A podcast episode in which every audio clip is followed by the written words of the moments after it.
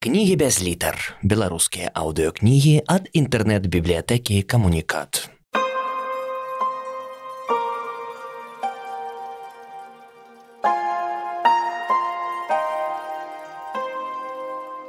Андрей Федоренко «Дикий лух» Раздел перший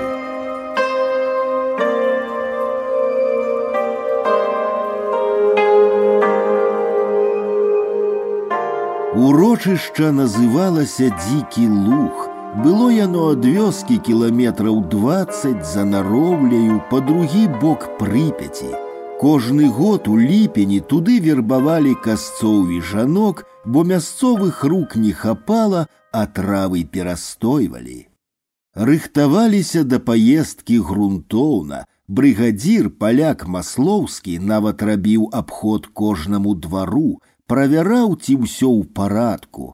Мужчыны кляпалі косы, устаўлялі зубы ў граблі, выразалі з сырых асін мянташкі, запасаліся новенькімі зярністымі брускамі. У кожнага мелася адмысловае паленца з убітай бабкай, каб там на месцы пакляпаць. Жанкі пакавалі ў клункі закуску, рыхтавалі флягі, бідоны, біклашкі пад ваду а некаторыя самыя эканомныя падберажоны яшчэ з вясны бярозавы квас, перастаялы сівушны на выгляд і на смак. Асабліва радасці было малым, дзікі луг у іх уяўленні значыла рай зямны. Там начуюць у шалашах сена, ядуць каля вогнішчаў, расказваюць розныя гісторыі, там прыпяць, у якой столькі рыбы, што сама выскоквае з вады на бераг. Малыя рабілі вудкі, плавілі ў лыжках волава для грузілаў, вучыліся на выгане закідваць донкі, збіралі пад калодамі тоўстых чарвякоў выпаўскаў і складвалі ў бляшанкі з-пад халвы, не забыўшы прабіць у накрыўцы дзірачкі, каб даставіць чарвякоў жывымі, Шлях не блізкі. Выязджалі зацемна гадзіны ў чатыры раніцы на дзвюх грузавых машынах. Людзі набіваліся ў кузавы, мужчыны, дзеці, бабы, каторыя і з немаўлём. У пярэднюю кабіну побач з шафёрам сядаў маслоўскі. Дома заставаліся толькі самыя старыя і падлеткі глядзець гаспадарку. Машины ехали з уключанымі фарамі, Дорога вела праз поле з жытам, праз пясчаныя заносы, дзе колы буксавалі, і трэба было выгружацца і штурхаць, праз лес з каранямі, ад якіх кішкі з цябе вытрэсвала, і нарэшце кацілася гладкай роўненькай шашою. У ліпені віднее хутка, Сонца яшчэ не ўстала, а ўжо каля нароўлі светла, толькі над ракой белы туман, нібы вада кіпіць. Прыткнуты да берага людзей чакаў маторны паром. На беразе каля яго тапталіся ажно тры начальнікі, усе ў белых сарочках без пінжакоў, штаны запраўлены ў боты і ва ўсіх трох на раменьчыках афіцэрскія планшеты. Калі пачалі грузіцца, убачылі на пароме бабулю з кароваю, вяроўка накінута на рогі. На ногах у старой кірзавыя чобаты з белымі працёртымі дзірачкамі на халявах, на плячах ваенны кітель, за спінаю гарбом хустка з прыпасамі, на твары суровая акамянеласць. Хворая карова пронеслася між людзей, на травы вядзе. Гэта было не рэдкасць, Калі ў мясцовага люду хварэла скаціна і не памагаў ветэрынар, дык ішлі ў дзікі луг з надзеяю, што жывёліна сама адшукае, што ёй трэба і вылечыцца. Застопарылі колы ў машын, адвязалі канат, завёўся мотор. Карова павярнула галаву і пачала глядзець на свой бераг. Плыве, скрипить паром, плюхая знизу у дошки вода, над ракой туман, у тумане на сярэдзіне одинокая лодка с рыбаком. і так прыемна пахне бензінчыкам і дымам ад цыгарак.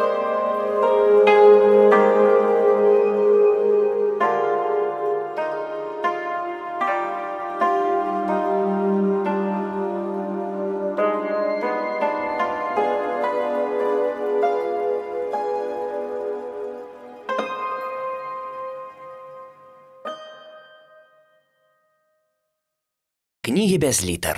Беларускія аўдыёкнігі ад інтэрнэт-бібліятэкі камунікат.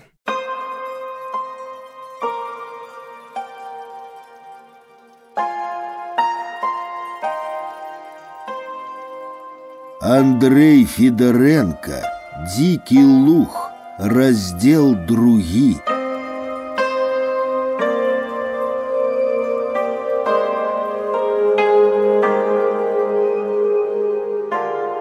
Паром з разгону тыцнуўся тупым носам у пясчаны пляж.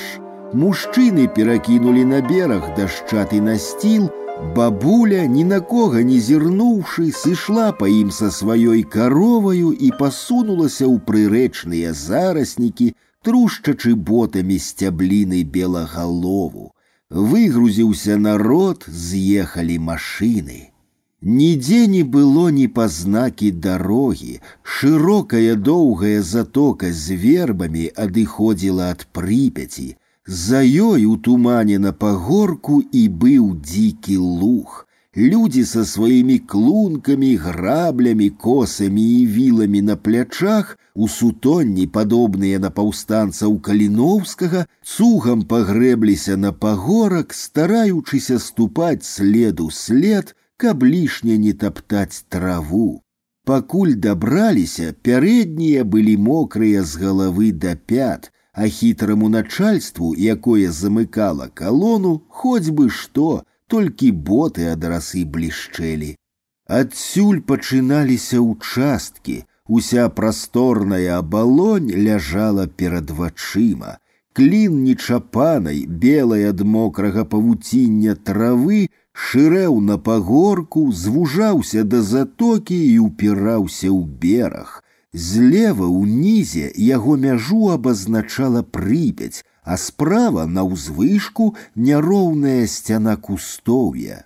Хмызняк то залазіў на травяное поле, то адступаў, утвараючы прагалы а далей за пагоркам і вакол распасціраліся суцэльныя палескія джунглі, непралазныя зараснікі, пышныя шаты лазняку і алешніку, крушыны вольхаў, шывельгі і вербалозу.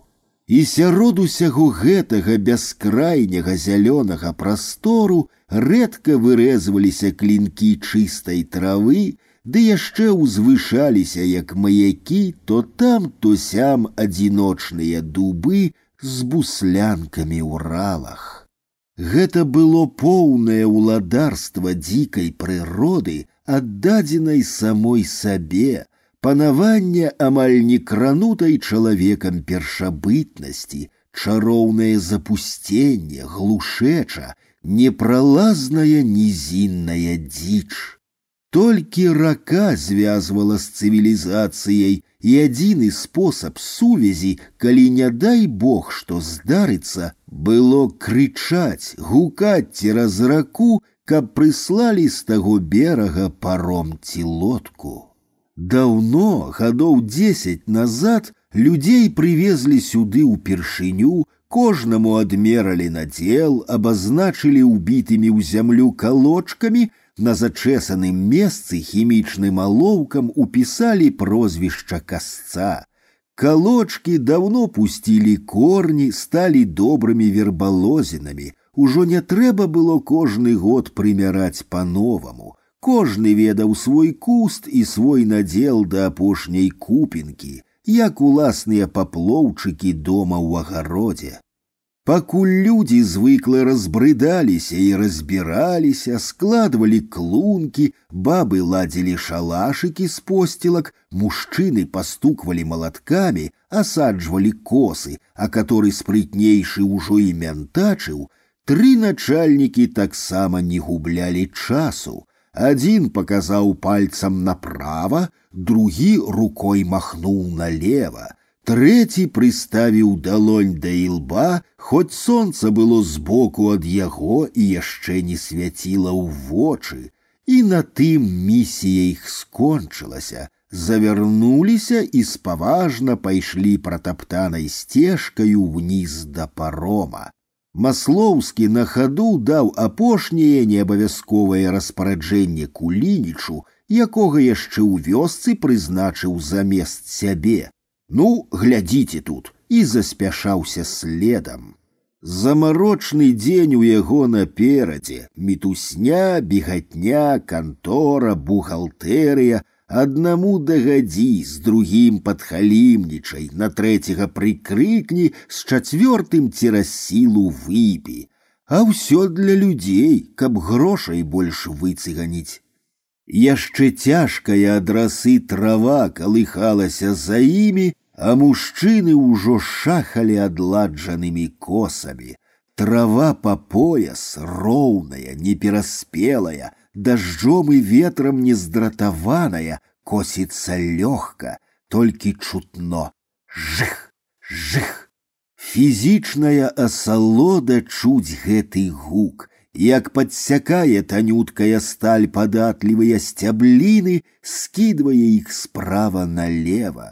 Туман апаў на зямлю, роснае павуцінне блішчыць на сонцы, Хоць сонца ўжо добра ўгравае, а паміж касцоў не ўбачыш голага цела, адзіная вольнасць адкасаць у кашулі рукавы. Маленькія жабкі так і пстрыкаюць з-пад кос, з бліжэйшых дубоў зляцелі буслы і ходзяць кожны за сваім касцом дзюбаюць недарэзкаў. У перамешку з бусламі ззаду бабы з большымі дзецьмі растрэсваюць траву. Меншыя не адыходзяць ад шалашыкаў, аказваецца, ім забаронена нават пазіраць у бок ракі, не тое, што да вады спускацца. Прыпяць такая непрадказальная, што калі захоча, можа ўтапіць нават на сухім беразе. Вось табе і рыбалка, вось табе і чаканы дзікі луг. Хаця, калі шчыра, саміх туды не надта цягне, яны яшчэ на пароме ўбачылі, што гэта сапраўды небяспечная, глыбокая, шырокая вялікая рака, асабліва тут перад упадзеннем у дняпро. Так што цяпер толькі і забаўкі, калі хто з касцоў захоча папіць і яму паднясеш, або знарок па дабрыні душэўнай папросіць прыкурыць папяросіну. Прыкурваеш маці бачыць, а нічога не кажа.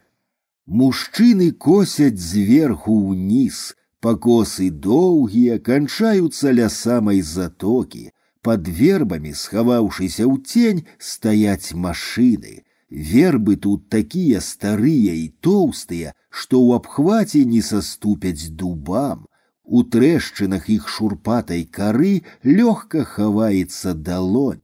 Самі дрэвы стаяць на беразе, а карані пераблытанымі вяроўкамі круцяцца па зямлі і залазяць у ваду. Вода каля гэтага берага глыбокая, цёмная, холодная, калі апусціць руку, і чыстая, ні травінкі, нават раскі няма.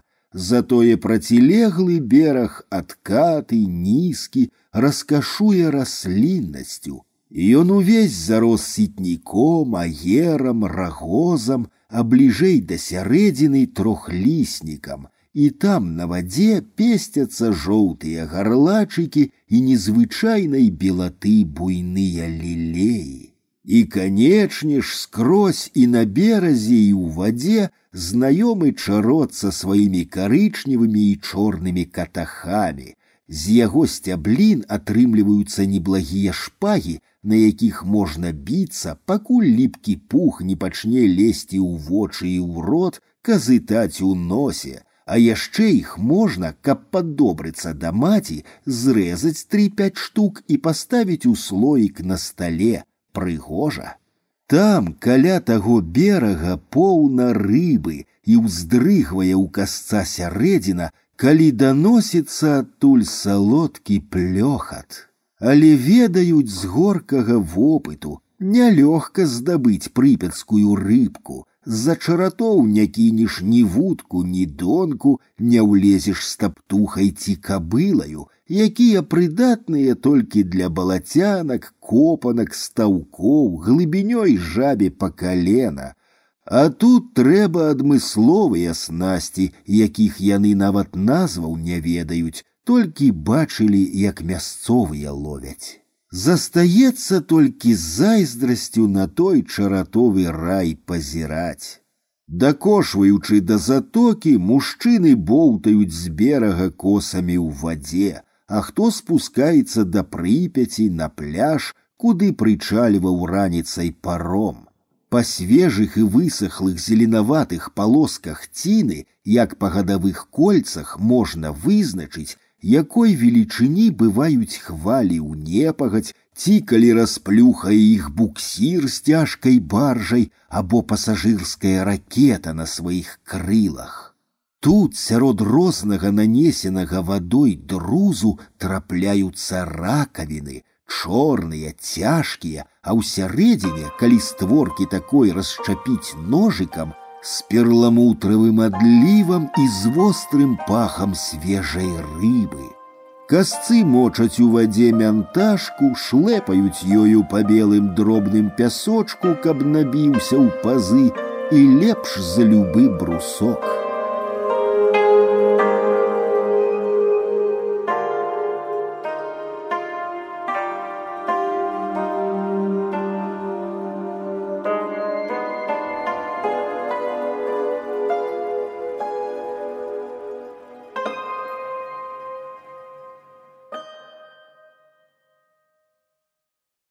Кнігі без літар. Беларускія аўдыёкнігі ад інтэрнэт-бібліятэкі камунікат.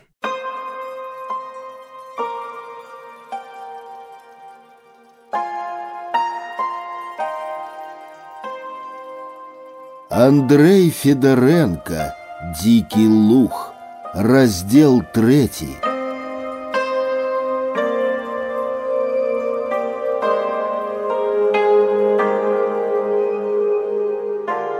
Давай, давай, давай! Подганяе кулініч, калі бачыць, што хто прыстаў, ці спыніўся выцерці пот, ці касаня так ходзіць у руках, або занадта марудна падымаецца на пагорак. Ніжай, ніжай, ніжай! Пакрыквае ён, калі няма да чаго прычапіцца. У роце яго паблісквае залаты цыганскі зуб, давно докураная потухлая беломорына прилипла до губы.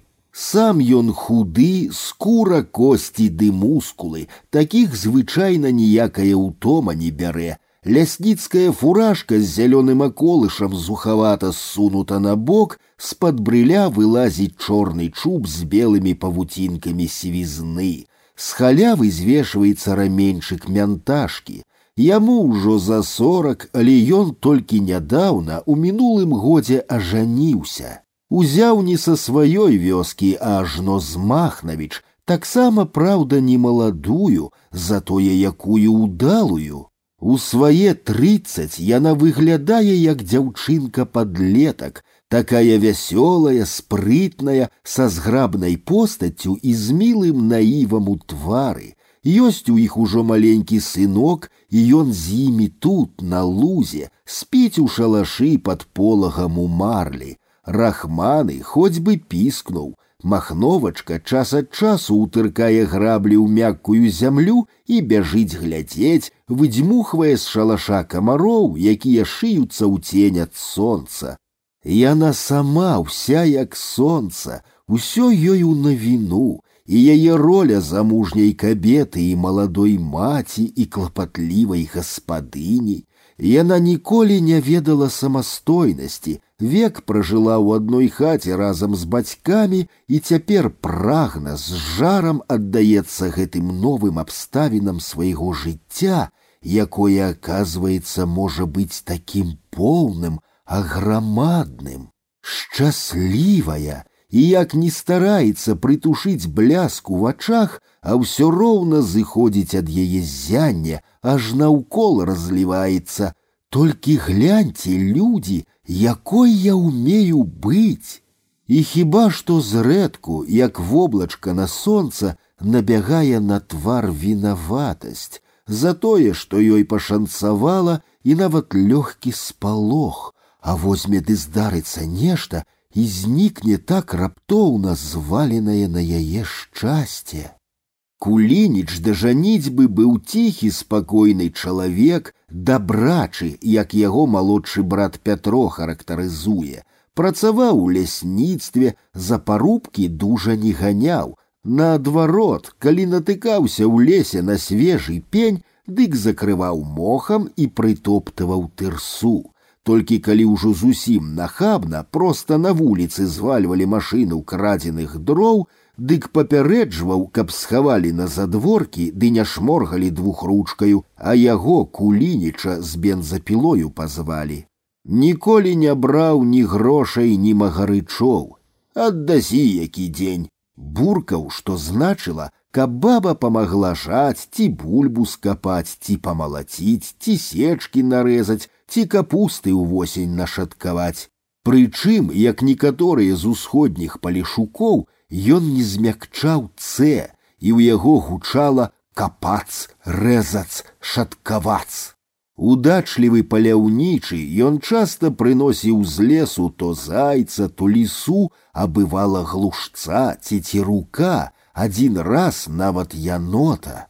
Да яго ў хату знарок прыходзілі падзівіцца, ківалі галовамі, цмокалі языкамі і так і не верылі, што здабыча з іхняга лесу. Мясцовы люд, вякамі жывучы ў сваіх лясах і балотах, по большасці нецікаўны, флору і фауну ведае слаба, звычка бачыць вакол сябе адно і тое ж прытупляе ўвагу, ім лягчэй поверыць, што ў дальніх ставах жыве нешта, вогненным шарам гарыць і пужае, чым у сапраўдныя рэальныя рэчы у тое, што под носам. Не, то не ў нас, у нас не водзіцца, у нас бедненько, куды съездзіў, але ж ён не скажа. Гэта праўда, ён немнагаслоўны быў. Нават калі збіраліся зімою мужчыны выпіць у карты пагуляць, выпіваў крышку, сядзеў маўчком, глядзеў, як іншыя гуляюць, сам адмахваўся. Ай, яны сняцца ўночы. Варта ж было чалавеку ажаніцца, як яго падмянілі, задраў кулініч нос, набраў у галаву, што ён ужо немавет хто, пачаў вылазіць наперад, умешвацца ў размовы, перабіваць, нават камандаваць, як і цяпер на лузе, толькі чуваць: давай, давай і ніжай, ніжай. Зрэшты, ніхто не крыўдуе, самі зацікаўлены, каб зрабіць лепш, бо будзеш праверка, прыедуць чужыя людзі, убачаць абы якую пакошу, скажуць брак. Суседзяў у кулініча трое, па правую руку малодшы брат Пятро, той самы дабрачы, па левую два бабылі, стары і малады, дед Мікалай Мірон і дзевятнаццацігадовы грыша ігнатаў. Яны ўдвух косяць адну дзялянку, за імі няма каму растрасаць, і ўвішная махновачка паспявае і на сваёй паласе і на іхняй, шчыруе, стараецца, толькі лыткі незагарэлыя з-пад спадніцы мільгаюць. Гэты Грыгор Ігнатаў, пакуль яго аднагодкі служылі ў арміі, адсядзеў у турме за бойку год і паўтара месяцы. Цяпер ён адчувае сябе заразным, адрынутым гнаным, і саромеецца ўсяго да непрыстойнасці, нават косіць ён угнуўшы галаву, воч не падымае нібы крадзе. На галаве ў яго пілотка з газеты, шэрыя ад старасці гумовыя боты заклеены кружкамі, выразанымі з веласіпеднай камеры. Брусок у яго не цэлы, а палавіна, таму ён трымае яго не ў галянішчы, як нармальныя людзі, а запихвае ў кішэню штанцоў. І ўсё ў яго неяк не па-даросламу, не па-гаспадарску, не сур'ёзна. Грыгор саромеецца свайго з маладых гадоў заплямленага лёсу і таго, што косіць не адзін, а ў прычэпку з дзедам, бо яму як блазну не далі свой уласны цэлы участак. Сорамна, што ён ужо вялікі хлопец, а такі непрыгожы, круглы ў рабацінні твар, адтапыраныя вушы, кароткая шыя і нечакана доўгія, як выпрастацца да каленяў руки. Да ўсяго ж ён сын сапраўднага ведзьмака.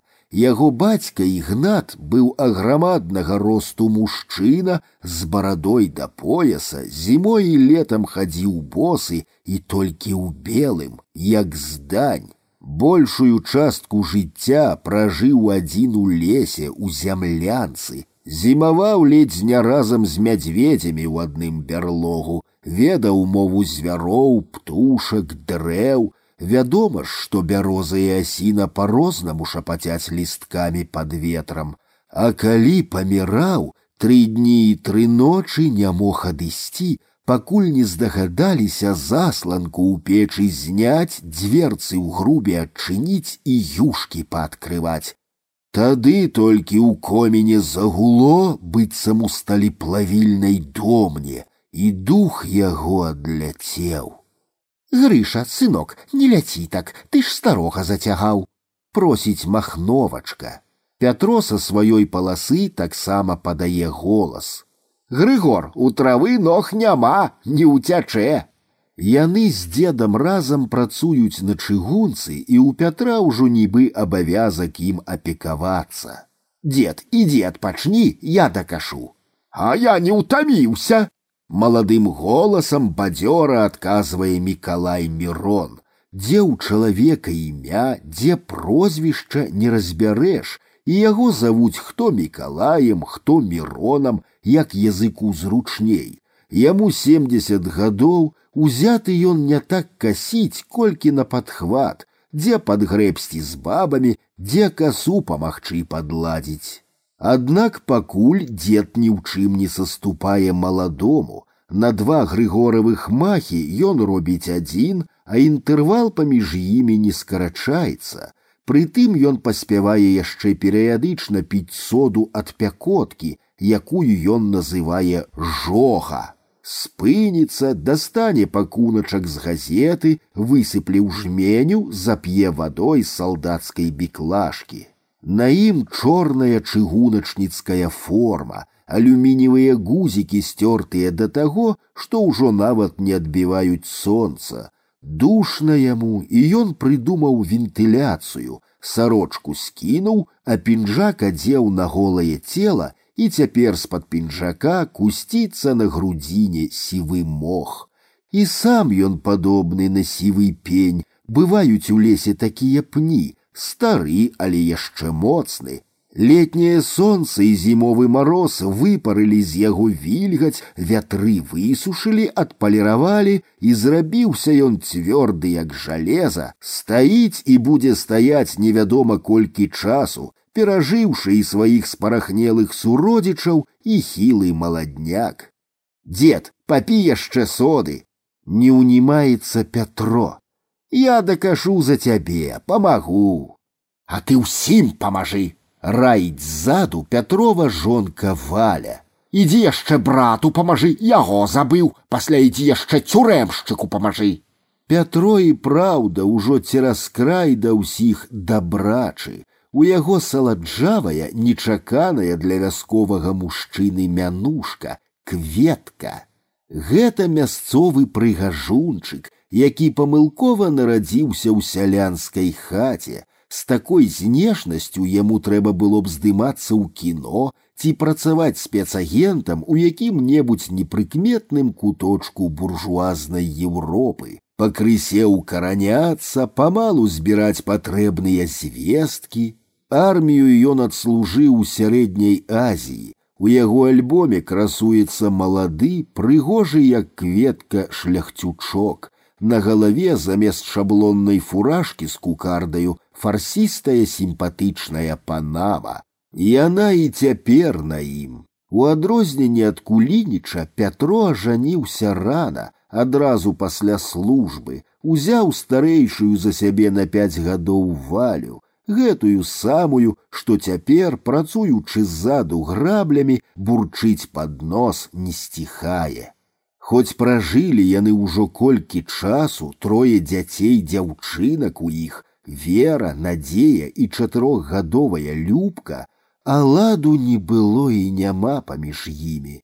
Справа ў тым, што Пятро горкі п'яніца, валя яго слабасць тлумачыць так. Канечне, ён прыгожы, кветка, а яна непрыгожая, Ён малады, а яна выматаная дзецьмі старая. Ён добры, асабліва да чужых, а яна паганая. З іншага боку і Пятроў даўгу не застаецца, Ён ніколі не заве жонку па імені, а толькі моя. Ты маёй не бачыў? У п'янага у яго звычка швэндацца па чужых хатах і расказваць, як валя яго на сабе сілком жаніла. Каб моя тады не зацягнула на сябе, дык я б, можа, на машыніста пайшоў вучыцца. Яго няздзейсненая запаветная мара ездзіць далёка на цягніку, глядзець новыя мясціны, знаёміцца з рознымі цікавымі людзьмі. І пах цеплавознага вугальку. Замест гэтага ён, як прыйшоў з арміі, так вось ужо дзесяць гадоў у мазутнай спяцоўцы разам з пенсіянерам мікалаем міронам гайкі на чыгунцы круціць, мяняе рэйкі і шпалы, а калі міма праносіцца хуткасны, Пятро толькі пазірае ўслед, прытрымліваючы ад ветру панаму. П'янаму валя помсціць яму езуіцкім спосабам, увечары выграбае ўсе грошы з кішэняў, а раніцай не дае пахмяліцца. І толькі калі бачыць, як яму кепска, ёй самой робіцца весялей, мякчэй на душы. Баліць? ласкава зларадна пытае яна. Хай пабаліць, а не бадзяйся па хатах, а не кажы, што ў цябе жонка паганая. Табе трэба той дзед, бурчыць валя. Табе трэба той цюрэмшчык, табе трэба чужыя людзі, у цябе свая сям'я, трое дзяцей, хата, жонка. Замест адказу Пятро выцірае панамай мокрую шыю і глядзіць на сонца. Яго русыя валасы кольцамі прыліплі да лоба, а на падбародку падсыхае мутная кропля. О пячэ, як у барханах! І праўда, даўно полудзень, часцей звонкае шорганне брускоў і мянташак аб стальное палатно. Вельмі гучна стракочуць конікі, сытыя буслы то адзін, то другі закідваюць галовы на спіны і клякочуць. Ад сонца ў вачах на зялёнай траве белыя плямы. Усё абалонь, прыпяць, затока, пракосы бачыцца не акрэслена, а праз дрогкую смугу.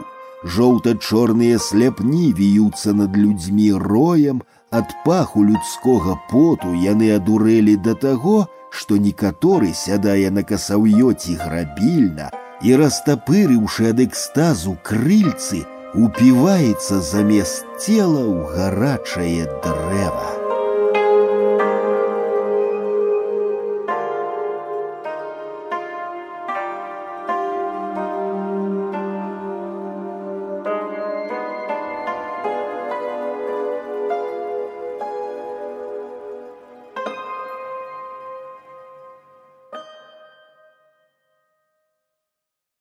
Кнігі без літар. Беларускія аўдыёкнігі ад інтэрнэт-бібліятэкі камунікат.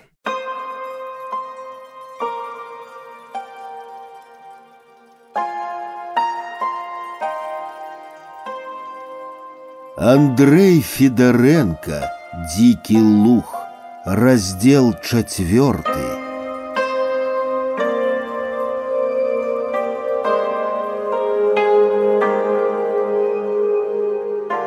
У абед пацягнуліся ўсе ўніз у тень у прахалоду, туды, дзе затока, вербы і машыны. Некаторыя адразу пападалі ад утомы на мяккі мурох пад вербамі, большасць пачала спускацца да вады. Як гэта быць на прыпяці і не пакупацца? Купанне людзей, што нарадзіліся, выраслі і жывуць сярод лесу і балот далёка ад вялікай ракі, гэта нешта. Усе яны баяцца вялікай вады, якая рухаецца, плыве, ва ўсіх на генетычным узроўні страх перад ёю, тым больш такой, як прыпяць. Яны прывыклі да вады стаячай, сажалкавай, кар'ернай, плаваць умеюць у лепшым выпадку па сабачы і на неглыбокім месцы, каб у любы момант можна было дастаць нагамі дно. Ды і слова яны купанне ўжываюць неахвотна, гэта блюзнерства для малых, а дарослы спаважны чалавек скажа не пайду купацца, а пайду мыцца. У кожнага ў руцэ кавалачак мыла жанчыны не ідуць у ваду зусім, мыюцца з берага. Што да дзяцей, дык тым ужо і наказваць не трэба, самі асцерагаюцца. І купанне для іх легчы ў прыбярэжную ваду на жывот, а галавой на мелкае, ці, як пішуць, на плыткае. Нібыта і купайся, хвалі цябе з галавой накрываюць, нагамі ў вадзе боўтаеш, і разам з тым у вір не зацягне. Мужчыны з чырвонымі загарэлымі шыямі, з белымі жыватамі і нагамі, усе ў аднолькавых чорных трусах, мочаць сабе пад пахамі, жменямі чэрпаюць ваду, абмываюць трохі пот і давай хутчэй церціся мылам. Мыла не хоча даваць пену ў рачной вадзе, доўга і старанна па некалькі разоў шаруюць галовы. Усё гэта пасля будзе называцца, А што мне твоя прыпяць, я ў ёй сто разоў плаваў. Самыя смелыя заходзяць па шыю, пастаіць трохі, не ведаючы, што рабіць далей, галава над вадою, сам крэкча, нібыта ад асалоды. Вух ты, хорошо! А ў вачах трывога, пастаіць і назад на бераг, а адтуль хутчэй за вербы у лазняк выкручваць трусы, абавязковы рытуал, ці купайся ты, ці мыйся, ці рыбу ловіш, гэта самая першая неабходная справа. Збоку ад купальшчыкаў вышэй па рацэ Грыгор вельмі асцярожна, перастаўляючы ногі як на лыжах, зайшоў па калені, потым па пояс, па шыю і паплыў на размашку. З берага на яго глядзелі засуджэннем. Ён заплыў на самую сярэдзіну, нырнуў, высунуўся па грудзі, пастаяў так, памагаючы сабе рукамі, затым, відаць, засаромеўся, што ўсе на яго пазіраюць, лёг на спіну і ціха паплыў назад да берага. Тым часам на беразе затокі пад вербамі жанкі ладзілі полудзень. Цёплае малако ў бутэльках з газетнымі затычкамі, бляшанкі рыбных кансерваў, сала, мяса з коўбіка, гуркі, свежыя і вараныя яйкі, зялёная цыбуля, хлеб. У кожнай сям'і адно і тое ж, як салдацкі харч-паёк, а ўсё адно здаецца, што ў суседа смачнейшае. Не паспелі пад'есці, як на рацэ затарахцеў мотор, показалася сіняя лодка з трымя мужчынамі, праехала паўз бераг і завярнула ў затоку, падчаліла акурат да таго дальняга чаратовага беражка. Па беларускай завядзёнцы іх спачатку дружна абгаварылі, мы тут працуем, а яны сярод белага дня рыбку ловяць, потым гэтак жа дружна апраўдалі.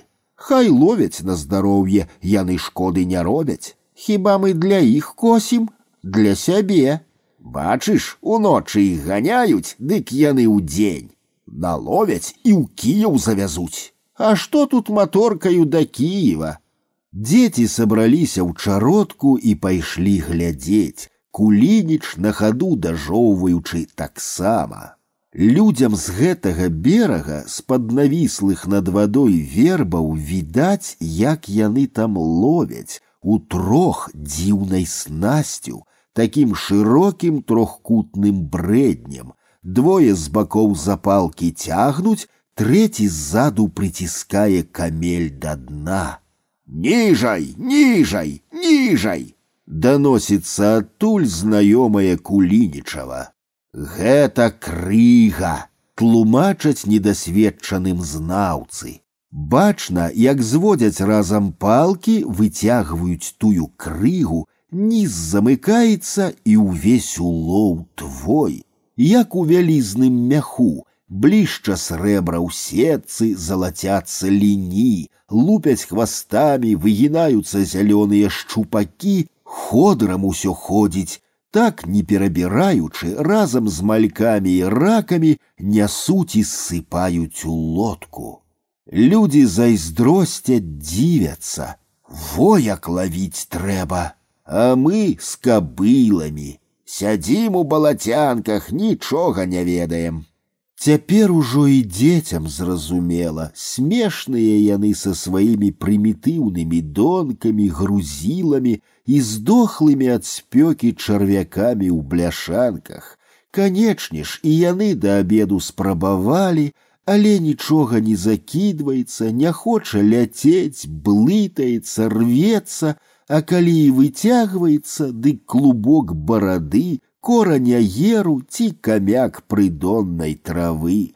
Цяпер яны ўсё ведаюць, канечне ж справа ў снасцях. Дайце такую крыгу ды маторку мы б. Усяго разы тры зацягнулі браканьерчыкі і больш не трэба паўлодкі рыбы. У каламутнай вадзе з дна падымаюцца бурбалкі, усплываюць на паверхню прытаптаныя расліны, напалоханыя рыбіны, якім пашанцавала выжыць, пускаюць кругі. Хоць бы дзецям далі па рыбінцы, хто што дасць, Дзе ж тут усім напасесся? На нас на такую прорву дзве лодкі дай, мала будзе. С повешенными носами дети пайшлі назад. Кулініч застаўся, пачаў прыкурваць з выглядам чалавека, які свой абавязак выканаў, а вы ўжо тут самі разбіраецеся. На лодку ён нават не пазірае, рыбы я вашай не бачыў, шчасце такое. Эй, помощник, лови! Два шчупакі метровай даўжыні адзін за адным бохнуліся на бераг, як дзве палянякі, заскакалі ў траве тоўстыя ў жоўта-зялёных крапінах з белымі жыватамі і чорнымі спінамі. Кулініч нават дзякую не сказаў, абыякова на калене страшным хрустам на другім беразе чуваць было. Пераламаў рыбінам хрыбетнікі, злупіў сцізоры кампаску кары з лазіны, уздзеў праз жабры і так і прыцягнуў хвастамі па траве да свайго табара. Кінуў і адразу ж адвярнуўся, каса яго зацікавіла, кольцо пачаў правяраць цаўё мацаць, ручку подцягваць. Махновачка зяе ад гонару, калыша Василька. А дзе наш татачка, пакажы, А вось наш татачка рыбку злавіў, паглядзі якую, і ты як вырасцеш, будзеш рыбку з бацькам лавіць, на маторачцы будзеце ездзіць. Зараз мы галяна збіраем, чысціць пачнем з хваста. Пачысціць і я магу. Ні да каго не звяртаючыся, сказаў дзед, бо калі шчыра, які б не быў, а выхадзіўся ён, а так занятак з рыбаю валэндацца з галлём, з вогнішчам, з юшкаю. Пасля обеду солнце пайшло спускацца, вербы ўжо не даюць тень машинам, і два шафёры, што нараўне з усімі махалі косамі, пайшлі ў каторы раз заводзіць маторы і шукаць новага ценю. Расы няма ў паміне, трава цяжкая, шорсткая, косы слізгаюць па ёй, а дзе проста шоргаюць як па дроце. Усё часцей перакуры, усё большая патрэба прамачыць вадой горла і заадно лішні раз паглядзець на сонца, якое з чырвонага робіцца малінавым, мяккім. Промні не свецяць, а стелюцца. Вось палавіна яго ўжо схавалася за дубы з буслянкамі, яшчэ трохі і зусім знікла. Тени ад блізкага хмызняку ад дубоў ляглі на луг. Людзі збіраліся да сваіх шалашыкаў, а тры касы ўсё яшчэ пасвіствалі. Кулініч, Пятро і Грыгор заканчвалі дзедаву долю.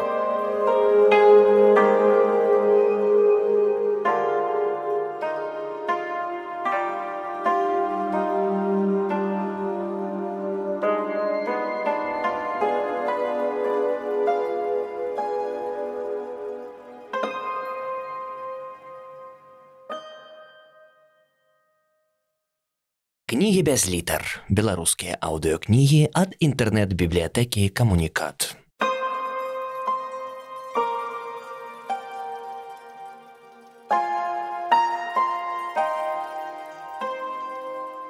Андрей Федоренко «Дикий лух», раздел пятый.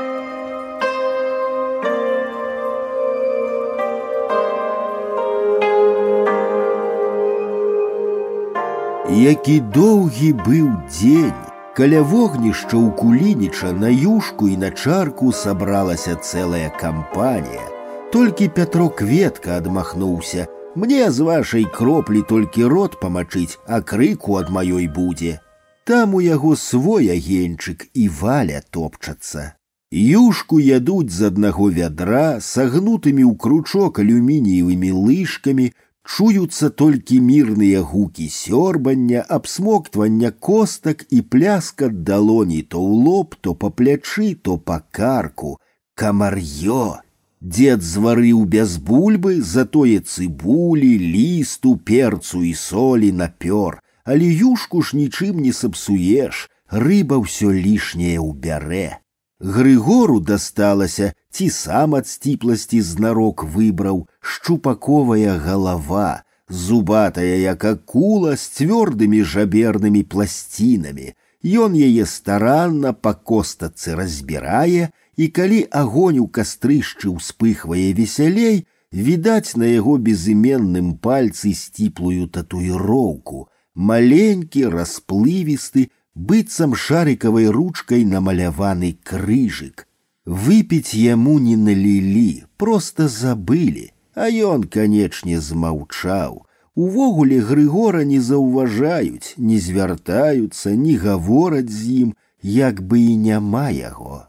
Паеў трошкі, голад спатоліў і маўчком падаўся да свайго шалашыка, хоць бы хто паклікаў яго, попрасіў застацца, так і ляжыць недзе адзін у цемры з камарамі, забыты пакінуты. Махновачка, якая да таго часу пакарміла і ўкалыхала сына, не ў прыкмету взяла недапітую бутэльку, пайшла туды. На, каўтні, сыночак, хай табе пашчаслівее, не глядзі на іх, не слухай, хай сабе брэшуць, а ты жыві, такі малады. Ноч, зоры, цёплая зямля, па ўсім лузе рассыпаліся чырвоныя кропкі вогнішчаў. Чуваць, як унізе вода ласціцца аб бераг, тонка соладка пахне прывяленая, а к ночы зноў акрыялая трава, шипіць сала, капае з яго і патрэсквае тлушч на вуголлі.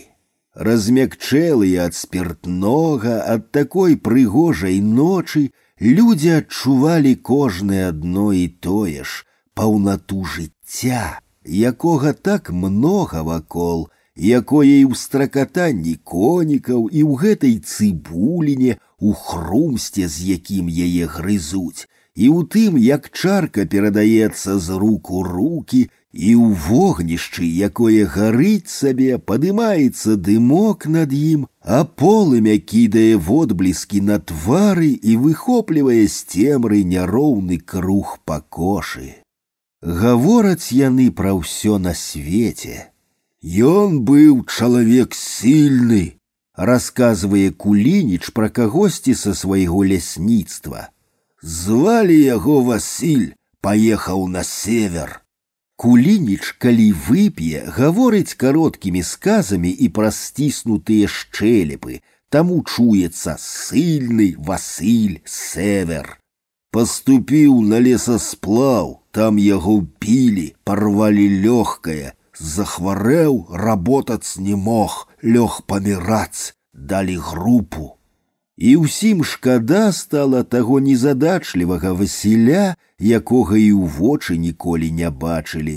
Нехта ўспомніў ранішнюю бабулю з кароваю, Дзе яна цяпер у цемры, хай бы падышла да людзей, пагрэлася, павячэрала. І як гэта карова, нібы кот ці сабака, умее адшукаваць травы, якія лечаць.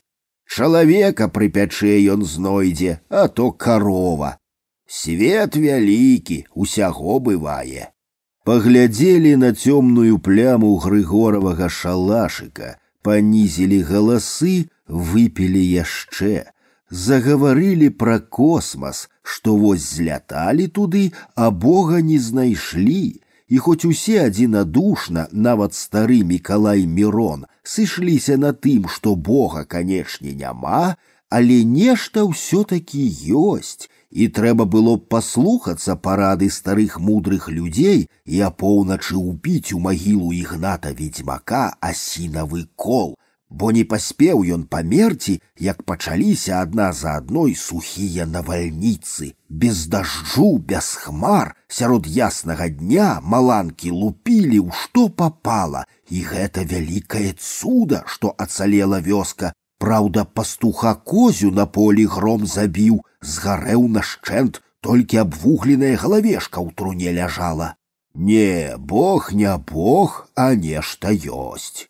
А што, хіба няма таго, што пужае? Словам пужае завецца ўсё неверагоднае, містычнае, невытлумачальнае. Найчасцей яно існуе чамусьці ў выглядзе вогненнага шара памерам з футбольны мяч. У кожнага ёсць у запасе гісторыя.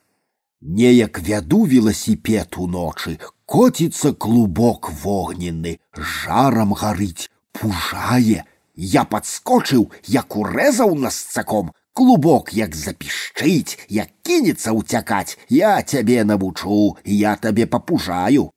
Па прыпяці ў цемры ўнізе павольна рухалася чародка агнёў, буксір цягнуў баржу. Калі яна праплыла, ажывіўся самы стары Мікалай Мірон. А то адзін раз было, я ў войну іду з чыгункі, іду, едзе мадзяр на веласіпедзе. Я перш падумаў немец, вінтоўка за плячыма теляпаецца, я шапку зняў, ён едзе, я добрый дзень даў, ён едзе, я гляджу, мадзяр, надзеў шапку, ён едзе. Вінтоўка, праўда, за плячыма, я саступіў з дарогі, ён едзе.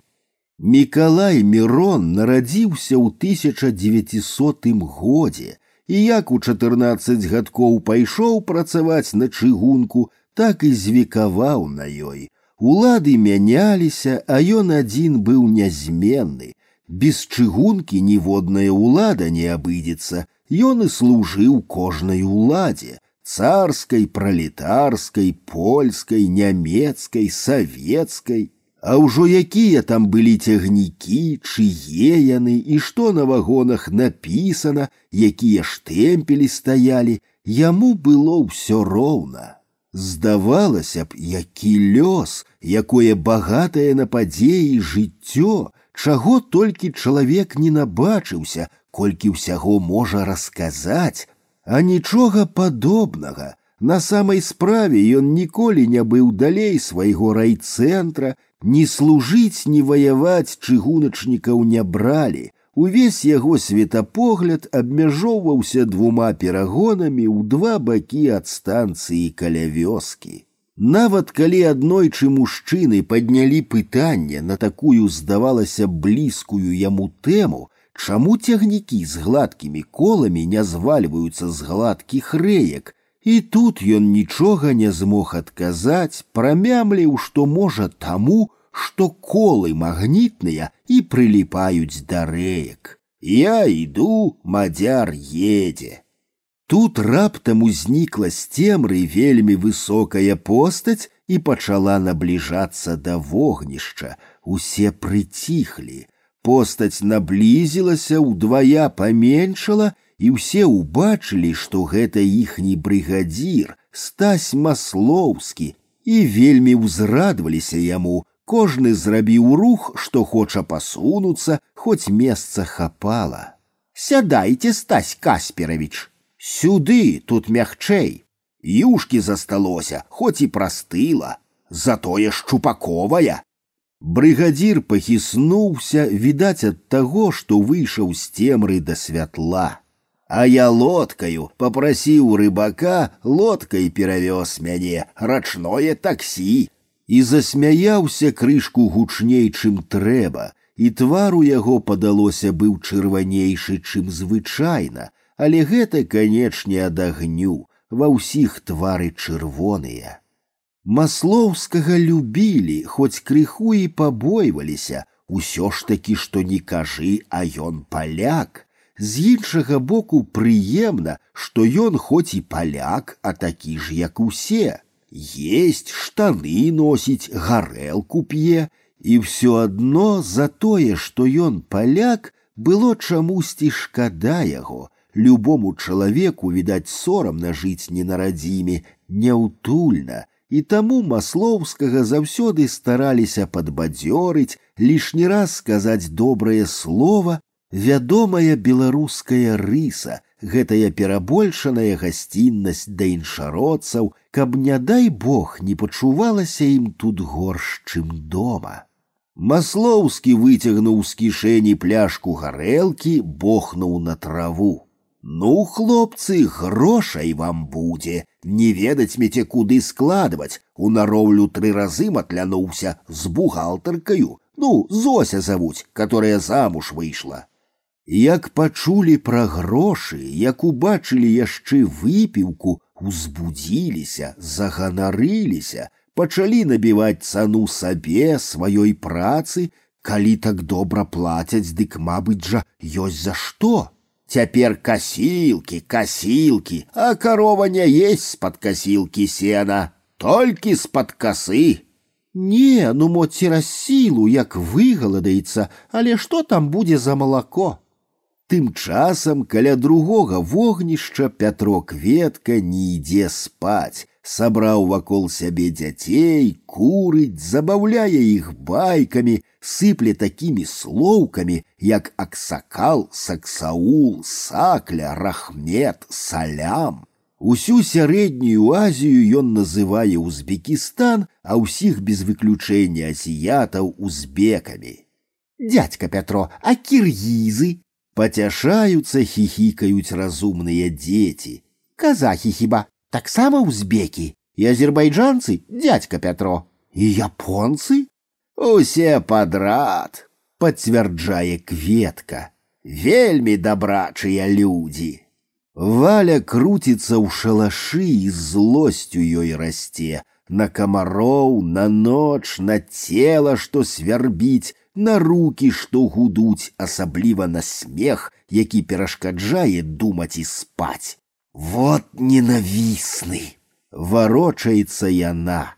Яна зайздросціць чужому смеху, радасці, не разумее, чаму людзі да яго горнуцца, а да яе не. Ад малых адбою няма, ён і сам любіць дзяцей, толькі чамусьці не сваіх, а чужых. Там шакалы жывуць, сабачкі такія. Выйдзеш саклі ў барханы, настраляеш шакалаў. Дзеці пераглядваюцца, пераміргваюцца, такі стралец. Усе выдатна ведаюць, які ён жаласлівы, Ён нават траву касіць шкадуе, шыхае асцярожна, пільна ўглядаецца, каб не цапнуць якую жабку, а калі ўбачыў перарэзанага напалам маладога вужыка, дык збялеў, руки трэсліся, і жонка на ўвесь луг крычала пра яго нікчэмнасць. Заходзім у кішлак правым ходам у чайхану, духан па-іхняму. Там з чайнікаў віноў піялы наліваюць, ад душы няма грошай бясплатна нальюць, такія ўжо дабрачыя людзі. Нарэшце валя не вытрымлівае і тумакамі гоніць яго спаць тухнуць пакрысе адно за адным вогнішчы, а на небе наадварот большае зорак і ярчэй разгараюцца яны, і недзе тут паблізу начуе адзінокая баба з каровай. Назаўтра да абеду скасілі, да вечара высушылі і ў акуратныя копы склалі. Клін быў чысты, прыбраны, Прыемна вачам было глядзець, а нагам ступаць, і самім не верылася, як такія малыя мурашы змаглі ўправіцца з такой масай травы. Больш не было чаго рабіць, падплыў паром, а людзі не спяшаліся, усё стаялі, гаварылі, хацелася яшчэ хоць крышку тут пабыць у гэтым цудоўным месцы. Паехаліце, звала упрошвала махновачка, баючыся за малога. Ну паехаліце ўжо. І калі ішлі да парома чыстай пакошай, міжволі азіраліся, і ўсе, нават дарослыя мужчыны, у думках дзякавалі свайму лугу ужо не дзікаму і развітваліся з ім, як думалі да наступнага лета.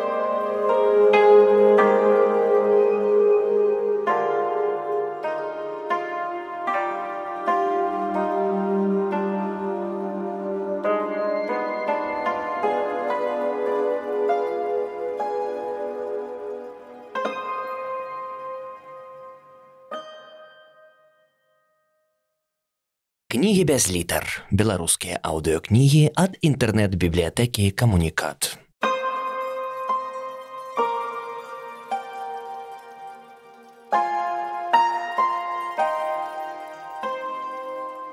Андрей Федоренко «Дикий лух» Раздел шостый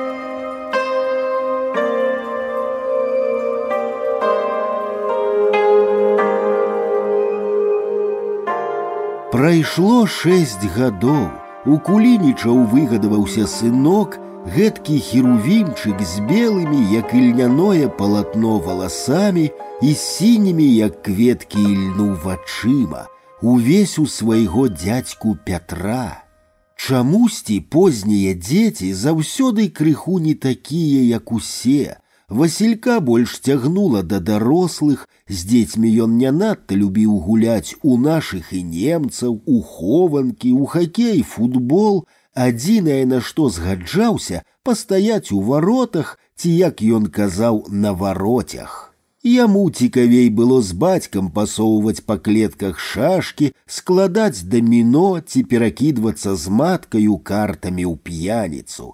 Часта пад вечар каля кулінічавай хаты можна было назіраць такі малюнак, сядзяць на лаўцы дзяды з кавенькамі і з краю маленькі васілёк з палачкаю, пальчыкі счэплены на каленях. Кулінічы не шкадавалі для яго нічога, больш дзяцей у іх не было, і васільку даставалася ўся пяшчота. У вёсцы не разумелі гэтага, Вёска ўсё хавае, тут не прынята паказваць, што ты нешта ці некага моцна любіш. Тут не да мусі пусяў, ні да цялячых пацалункаў, ні да цырымоній. Усё гэта выпрацоўвалася вякамі, перадавалася з пакалення ў пакаленне як абярэг, было няпісаным кодэксам. Вось класічны дыялог маці з сынам: ідзі есці ірад, Ай, не хочу. Я табе не захочу, я з тебе шкуру злуплю. У кулініча ўсё па-іншаму. Махновачка выплывае на вуліцу мядовым голасам: « Васілёчку, ідзі, сыночку, естачкі. Іду, мамачка, а дзе татка? Бацькі з малых гадоў прывучаюць дзяцей да скрытнасці. Пойдзеш гуляць, дык хаця нікому не кажы, што еў. У чужой хаце не сядай за стол, не пазірай, як чужыя ядуць. Самы вялікі сорам, калі падумаюць, што галодны. Ды барані Бог, нічога нікому не расказвай, маўчы і ўсё. Васілька ахвотна ішоў у любую хату, як у сваю ўласную, лез за стол, калі запрашалі, і адказваў на любое пытанне. Хітрая баба перастрэне, заманіць цукеркам ці грушаю і пачынаецца. А што ты сёння еў, Васільку? Каўбасу сказулі, яшчэ фаршу матка накруціла. А браце, а дзе ж вы мяса бераце? Ляснічы прывёз. Бесклапотна казаў Васілёк, седзячы на лаве, хістаючы ножкаю. А матка цябе б'е калі? Неа. Ты, мабыць, як вырасцеш, будзеш ляснічым. Неа. Дык мо брыгадзірам? Маслоўскі хутка на пенсію, дык мо ты замест яго будзеш. Неа. А кім ты будзеш? Матросам на караблі. Ты пабач, аж слупянела баба ад здзіўлення. Хто ж цябе гэтаму вучыць? Матка? Не, дядька Пятро. А колькі табе матка грошай на кніжку наклала, мо ўжо тысячу? Не, сто мільёнаў. А, браце, так махновачка навучыла. Зрэшты, ўсе падобныя спектаклі заканчваліся аднолькава. Пасля бабы ў голас адна адной пераказвалі, ведаючы, што кожнае данясе махновацы, не людзі, а золато, і кулініч, і дзіцятко, і жоначка яго. А кулініч між тым выматваўся ў сваім лясніцтве, усё зарабляў і капіў, не адставала махновачка, і ў калгасе, і ў горадзе на базары і агарод вяла, многа памагаў лес карміцель, узімку, расцягнутыя на рожках перад печчу, заўсёды сушыліся зайцавы шкуркі ці смярдзела на ўсю хату ліса. Не сароміліся дзіцячага заробку, збіралі і здавалі ў нарыхтоўчую кантору сасновыя і бярозавыя пупышкі, умудраючыся налупіць іх вёдры, а ўвосень тымі ж вёдрамі ў тую ж кантору цягалі рабінавыя ягады. Пра лета няма чаго казаць, улетку літаральна начавалі ў лесе, дралі кару з крушыны і лазы, грабёнкаю збіралі ягады, латашылі арэхі, ці як казаў Васілёк арахі. Арахоў технік даў. Кару ён называў кора. Увогуле Васілёк, дзякуючы матцы, узбагачаў мясцовую лексіку. Усе казалі во ён, Васілёк, восе то во ён. Усе даўно, Васілёк, восе пара. Мацнела гаспадарка, з'яўляліся новыя матэрыяльныя рэчы, і ўсё было як бы ў квадраце, мела сваю маленькую копію з прыцэлам на Васілька. Была кабыла і жарэбчык, стрельба двухстволка і тульская аднастволачка, матацыкл урал і каляска да яго. Быў чорна-белы тэлевізор, кулініч з'ездзіў у горад, вярнуўся з каляровым. Махновачка на вуліцы прыціскала Васілька да сябе і ў залежнасці ад таго, як рос іх дабрабыт, мяняла сынаву будучыню. Хутка будзеш з намі ў калясацы ў лес ездзіць, кору драць. Будзеш са стрэльбачкі зайцоў біць. Выгадуецца жарэбчык, паскачаш на ім у лясніцтва, бацьку памагаць. Вось вывучыся, будзеш у цвятным телевізарыку выступаць. Вось продадим мотоцикл, купім машинку, будзеш руль круціць.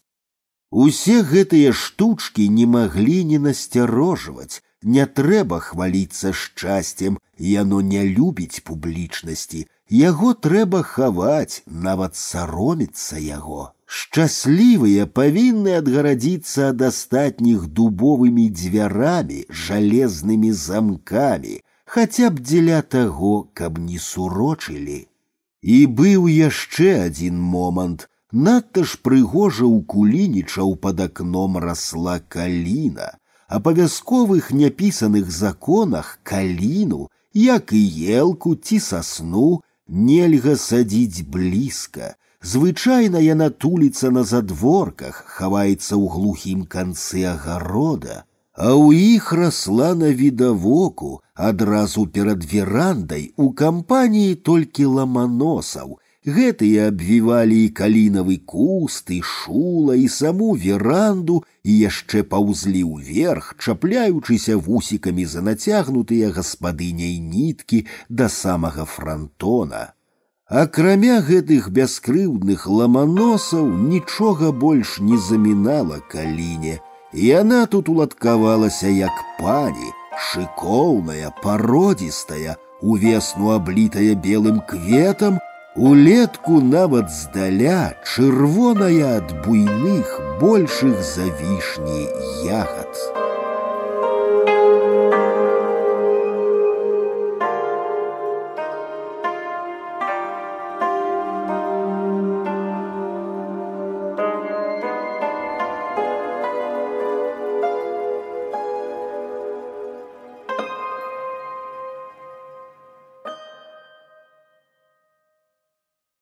Кнігі без літар. Беларускія аўдыёкнігі ад інтэрнэт-бібліятэкі камунікат.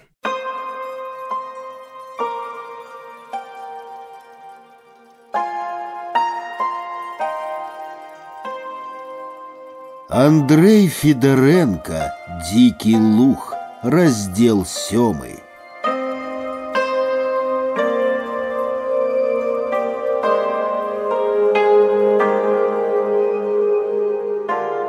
Перад тым, як зайсці да кулінічаў, Пятро кветка спыняўся пад калінаю, даставаў з вечна адтатурчанай, нават калі там нічога не было, кішэні пінжака пляшку чарнільца, прамочваў горла, зрываў жменю ягад разам з лісцем, зажоўваў, адплёўваўся, пасмейваўся.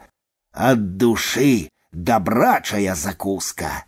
Пятро пакрысе ператварыўся ў ціхага скончанага п'яніцу. Гэта проста быў нейкі эксперымент з прадвызначаным фіналам. Хто каго, я гарэлку ці яна мяне.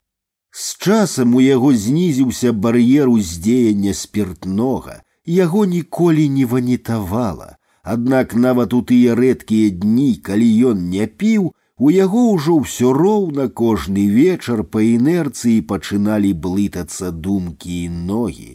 Ён даўно закінуў мару пра машыніста, ужо не праводзіць зайздрасцю вачыма хуткасныя цягнікі, цяпер яго цікавяць толькі мядзведзі, таварнякі з віном з Малдавіі, якое чырвананосныя экспедытары за капейкі прадаюць на разліў, не расказвае ён ужо і пра свой Узбекістан, Панама знасілася, а альбом стачылі ў пацяруху мышы. Жонка кляла яго. Чаго на людзях нечувана не бачана, каб так чалавек дамоўкі цураўся. Дошкі ў плоце калываюцца як зубы, а яму няма калі, а ён паўзе і паўзе па чужых хатах, хто яму там якім мёдам мажа. І праўда, гаспадаркі ён не любіў, Тут Валя мела рацыю. Ужо тады абазначыўся крах вёскі. Задоўга да Чарнобыля і перабудовы пачыналіся першыя яе перадсмяротныя сутаргі. Пакаленне Пятра было апошнім пакаленнем, звязаным з зямлёй. Яны ведалі, што апошнія, што на іх усё скончыцца, дзеці іхнія ўжо не выберуць іхняй долі, ды ніхто і не хацеў, каб яны яе такую выбіралі. Пятро, як малы, уцякаў з дому пры кожным выпадку. Спачатку выдумляў прычыны, потым і выдумляць перастаў. Проста сыходзіў з двара і ішоў да чужых. Чужыя яго шкадавалі, налівалі, выпытвалі, і ён хоць часткова атрымліваў тое, чаго быў пазбаўлены дома. Петро, мне не гарэлкі шкода, спачувала яму махновачка. Цябе шкода, яны ж цябе затаўкуць. Агучвала яна тое, што ведала ўся вёска. Дома ў Пятра ўжо не абыходзілася тым, што грошай на пахмелку не давалі. Калі раней валя сцябала яго словамі, дык цяпер перайшла да справы, тым больш дзеўкі падраслі і актыўна сталі памагаць маці. Усе яны ўдаліся ў валю, пабралі і знешнасць такія ж непрыгожыя і душу, так жа ненавідзяць бацьку. П'янага бездапаможнага Пятра звязвалі на падлозе і білі, усур'ёз са ўсяе сілы, чым папала. Нават малая любка збоку таптала шапку, потым пакідалі ляжаць звязанага да раніцы. Гэта ж трэба так чалавека ненавідзець, дзівілася махновачка. Ад душы ненавідзяць, падліваў масла ў агонь кветка. Хоць ты падаваю якую міліцыю, якую міліцыю ці развядзіся, цяпер жа не раней возьми галю миронову яна сама пабяжыць у архангельск на сплаў паедзеце які архангельск які сплаў яна ж дзеўка а мне каб маладзіцца ці такая як ты кулініч павярнуў бокам да люстэрка твар з белай барадой Ён якраз галіўся, паставіўшы перад сабой міску з гарачай вадою і крэкнуў. З-пад ляза выступіла кроў. Звычайна ён, калі быў дома, слухаў, але не ўмешваўся. Ды не корміць, скардзіўся Пятро. Дома сала і на рабоце сала, і тое так пасаліла, што ў шкурцы белыя такія, як бы праточынкі. Ты пабач, солі пашкадавала. Махновацы, як і любой жанчыне, прыемна было чуць, што ёсць горшыя за яе. Я ёй кажу, не дасаліла, а яна сам маслоўскі еў, крычыць маслоўскі еў, а ён жа не ты, маслоўскі сцізорыкам абрэжа, гэта кажа нічога, гэта сальнічкі, для яе маслоўскі пуп зямлі. Маслоўскі скажа, што цяпер зіма, дык яна будзе паўтараць зіма. Чаю попрасіў раніцай, дык яна голага кіпетня падсаладзіла. І чаю не кінула шчопаці і не кінула. Махновачка млела ад задавальнення. І мала ёй усё мала. У маслоўскага крычыць поўная хата добра. Дык маслоўскі ж крадзе ў калгасе і я абкраў бурака, бульбіну, то сяго, то таго. А што я з пуці прынясу, балтаў кішэні, гайку. Кулініч, які скончыў галіцца і выціраўся ручніком, успрыняў гэта як намёк. Канечне, ён даўно мог бы прыляпіць брата да лясніцтва, але не рабіў гэтага, баючыся кампраметацыі. Эх! Толькі крэкнуў ён і выйшаў з хаты. Кажу, касцюм трэба купляць, як подняла крык, а ў мяне адзін касцюм і на работу і на выхад вось гэты самы распісваўся ў ім колісь. Не дае, слухаць не хоча. Гэта так баіцца, каб прыгожы не быў.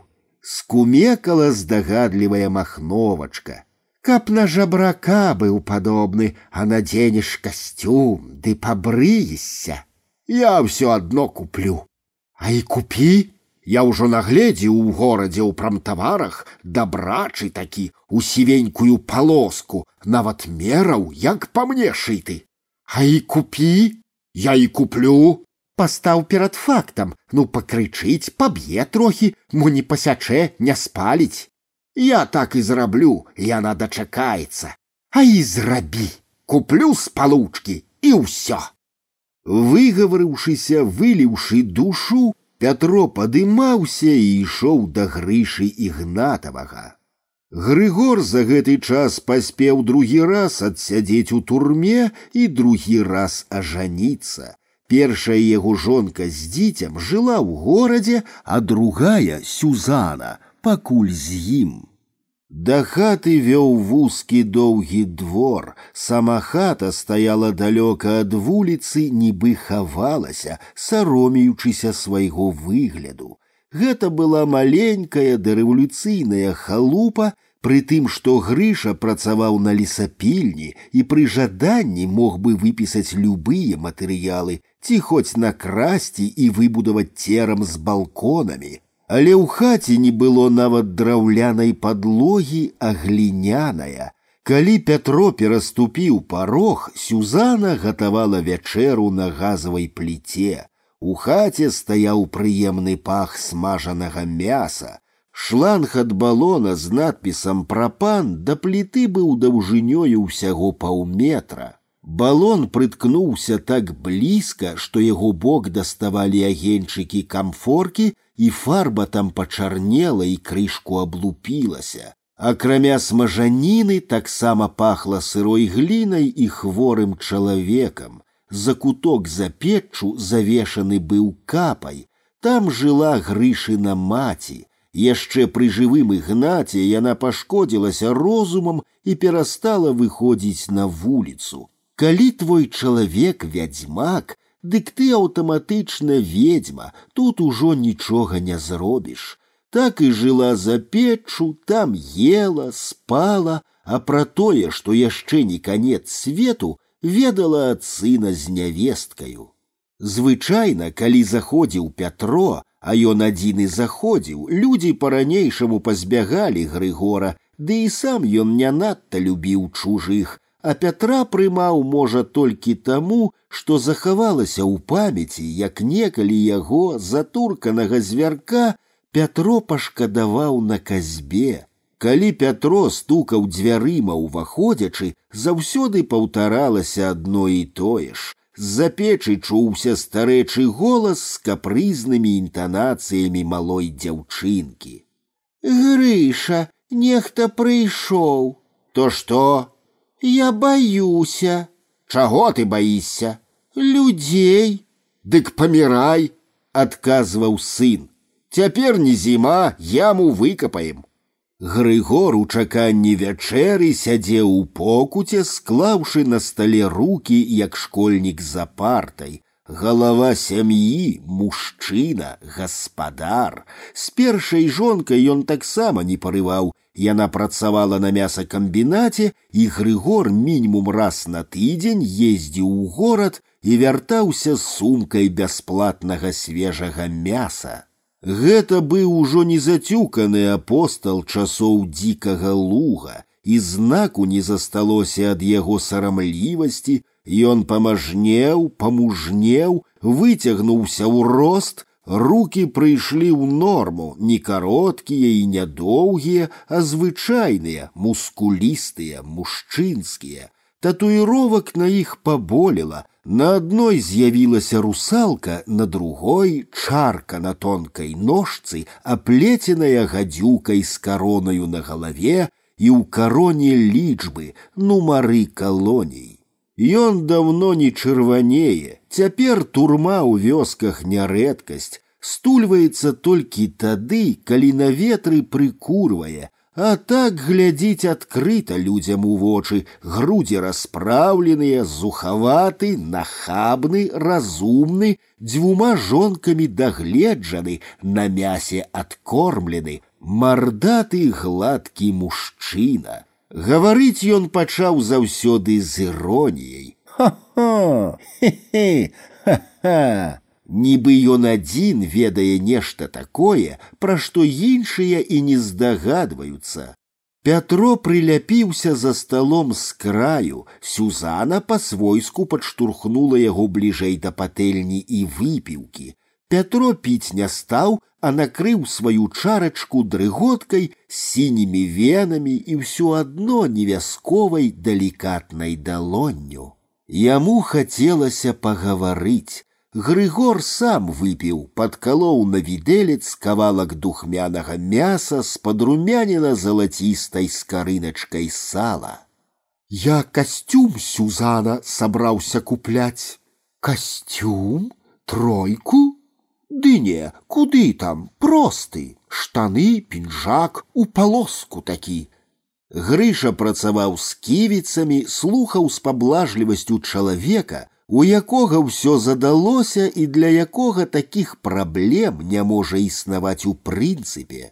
Запомні, Пракаўтнуўшы, сказаў ён: « Не ў касцюмах шчасце. Я магу тры касцюмы купіць, а толку. Ну, ты мяне з сабой раўняеш. А валя біцца не будзе? пацікавілася Сюзана. А я і пытаць не буду, пастаўлю перад фактам.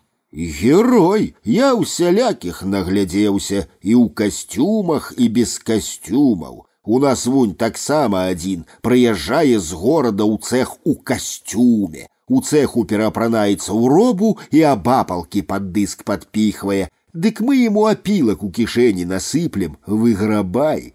Сюзана засмяялася, паўнаватая, з павольнымі рухамі, вельмі прыгожая. Маладосць і свежасць так і выпіралі з яе. Толькі крыху дзіўна было, як яна, гарадская дзеўка, сімпатычная, добрая характарам, упісалася сюды, як умудраецца ўжывацца сярод гэтага рэзруху, ды яшчэ так глядзець за сабой. Ці можа наадварот, гэта на фоне убогасці і рэзруху яна так выгодна адцянялася. А возьми майго бацьку светлай памяці ігната, важна сказаў Грыгор. У адной кашулі век прахадзіў, а разумнейшы за ўсіх быў. Цяпер ён не саромеўся свайго бацькі, а пры кожным выпадку падкрэсліваў, што хоць і запознена, а канечне ж спрацавалі бацькавы чары, інакш хіба быў бы ён Грыгор такі ўдачлівы.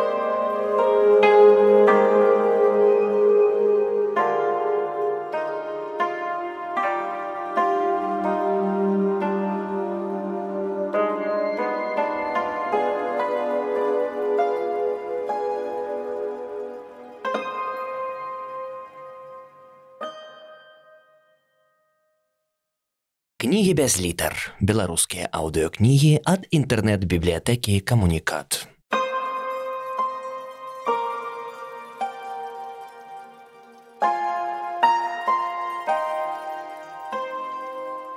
Андрей Федоренко «Дикий лух», раздел восьмый.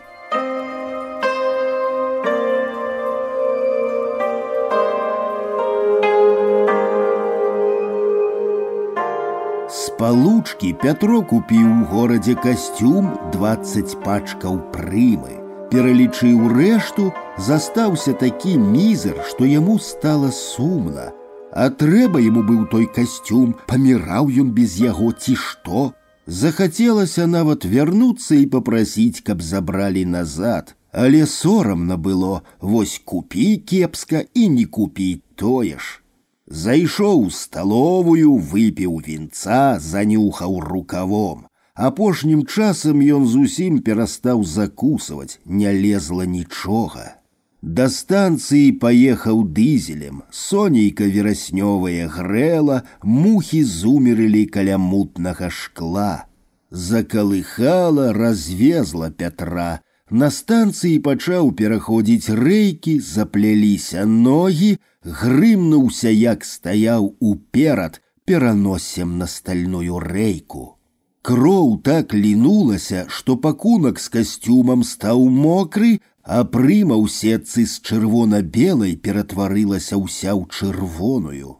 У бальніцы паглядзелі, што п'яны, бедна адзеты, ніхто нічога не выпраўляў, сяк так на хуткую руку зашылі, як шавет цыруе дзіравы бот. Так і зраслося, пераносіцы не стала зусім. Замест роўнага сімпатычнага носа цяпер тырчэла паміж шчок качыная пляскатая дзюбка.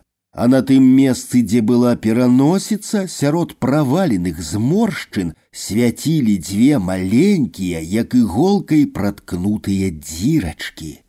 Калі Пятро курыў, дым ішоў праз рот, праз ноздры і струменіўся праз гэтыя дзірачкі. Яшчэ яны пасвіствалі. Пятро скажа слова свісь.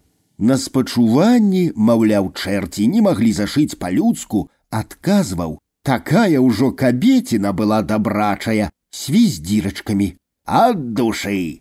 Яна ж цябе знявечыла. А ён сваё, каб не моя, я б з ёю яшчэ свісь. Ён яшчэ не да канца разумеў, што здарылася. Думаў ён па-ранейшаму кветка, неяк прыйшоў да махновачкі. Дай машынку, Сюзана пастрыгчы абяцала. Пятро, сказала махновачка, дастаючы з шуфляды прадаўгаваты футаральчык, стараючыся быць строгай. Ты ж глядзі, людзі без рук без ног чапляюцца. Ну што ж гэта шклянка і папіроса, Ты ж раней неяк так не піў моцна. Пачакай на цукерак сюзане. Сюзана прарэзала дзірку ў газеце, адзела Пятру на галаву, застрыкала каля вуха машынкаю. А чаго вы касцюм не носіце? Ён мне як бы ў плячах шыракаваты. Пятро асцярожна павярнуўся пад газетай, каб паказаць і свіснуў носам. А не сварылася? Не. Ну правільна, раўнавала, а цяпер каму вы трэба? Грыша, што там стрыкае? Капрызнічаў голас за печчу. Чаго тут людзі? Я баюся.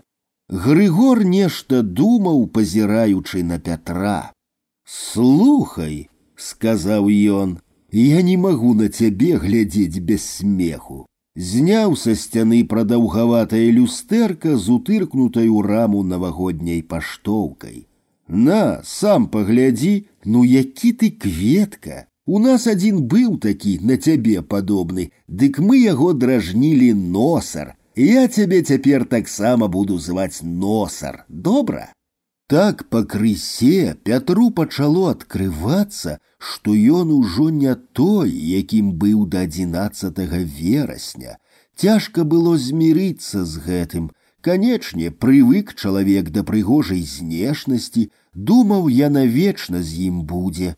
Піў ён па-ранейшаму, да таго, што валя ўжо махнула рукой і нават біць перастала, ды і без толку гэта, ён усё роўна не адчуваў болю.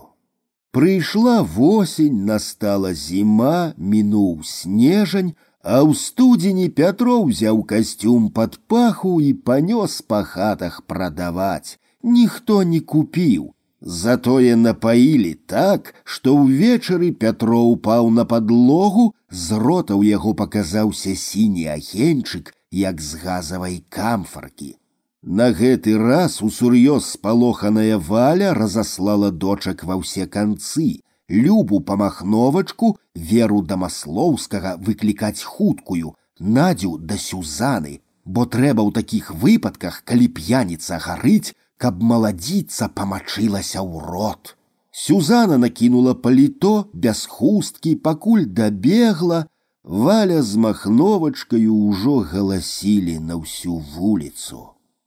Хавалі Пятра ў мароз, дрэвы стаялі ў белым ініі, Мікалай Мірон у кажусе, у тоўстых рукавіцах, у шапцы запушчанымі вушамі на могілках глядзеў, як капаюць яму і даваў парады.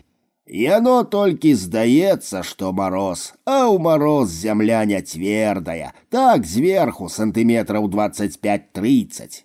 Здымаў рукавіцу, нагінаўся, мацаў, а зямля і праўда, чым глыбей, тым цяплей была. На памінкі кулініч прывёз аднекуль ласінае сцягно, Махновачка нарабіла котлет, наварыла застудзіны, зрэшты і так усяго хапала, бо тады яшчэ была традыцыя абавязкова несці на памінкі кісель, бутэльку, міску з вінегрэтам, курыцу ці кавалак мяса. Састаўленыя сталы перасякалі ўсю хату, але месца ўсё роўна ўсім не хапала. Вырашылі памінаць зменамі. Хто выйдзе, другі зойме яго месца. Колісь так, калі сеў, то сеў, успамінаў Мікалай Мірон. А падняўся больш не сядзеш, а цяпер жа кураць, выйшаў, пакурыў, зноў вярнуўся. З чужых прыехалі з горада далёкія сваякі паваленай лініі, муж з жонкаю. Жонка была мясцовая, яе ведалі, а мужа першы раз бачылі. сціпленькі культурненькі у касцюмчыку гальштучку маленькага росту акуратна падстрыжаны падобны на вучонага ці на настаўніка матэматыкі Ён не курыў і ад спиртнога адмовіўся катэгарычна кінуўшы ў бок могілак свежы прыклад яго адразу запаважалі толькі пачалі ўсаджвацца як раптам сюзана на ўзрыд заплакала Я виноватая, каб хутчэй паспела, жыў бы. Валя вусны подціснула, упарта глядзела ў талерку перад сабой. Увесь яе выгляд паказваў і ты і ўсе за гэтым сталом, толькі не я. Махновачка аж руками пляснула. Яшчэ што выдумай, табе тут зусім быць не трэба. Сюзана была цяжарная, и повела яе домов, а за столом вышла новая заминка. Люди пераглядваліся, перашэптваліся. Трэба было нешта сказаць і так сказаць, каб не пакрыўдзіць удаву, а гэта практычна было немагчыма. Любыя словы ўспрымуцца як абвінавачванне валі. Напрыклад, калі пачаць шкадаваць нябожчыка, чаго ён памёр, мог бы жыць ды жыць, альбо калі, напрыклад, паспачуваць яму. Вось і адмучыўся. Ну, хто скажа тост? Гучна спытаў Грыгор, які капаў яму, і па гэтаму тут за сталом адзін пачуваўся свабодна. Ну, так і быць, давайте я скажу тост. Але тут устаў кулініч. Брата майго Пятра ўжо не падымеш, яму хай зямля пухам. А што з яго работы ніхто не прыехаў, зларадна павысіў голас кулініч. Вянка не прыслалі, дык хай яны некалі пабачаць самі. Урачыста помсліва закончыў ён. Вось гэта словы. Так сказаў, што пазайздросціць можна, і вінаватых знайшоў і валю не пакрыўдзіў. У канцы стола сядзелі дзве асірацелыя пятровы дочки, вера з надзею, ужо вялікія дзеўкі. На іх непрыгожых, насупленых з чырвонымі вачыма тварах выразна чыталася прыкрасць, сярдзітасць.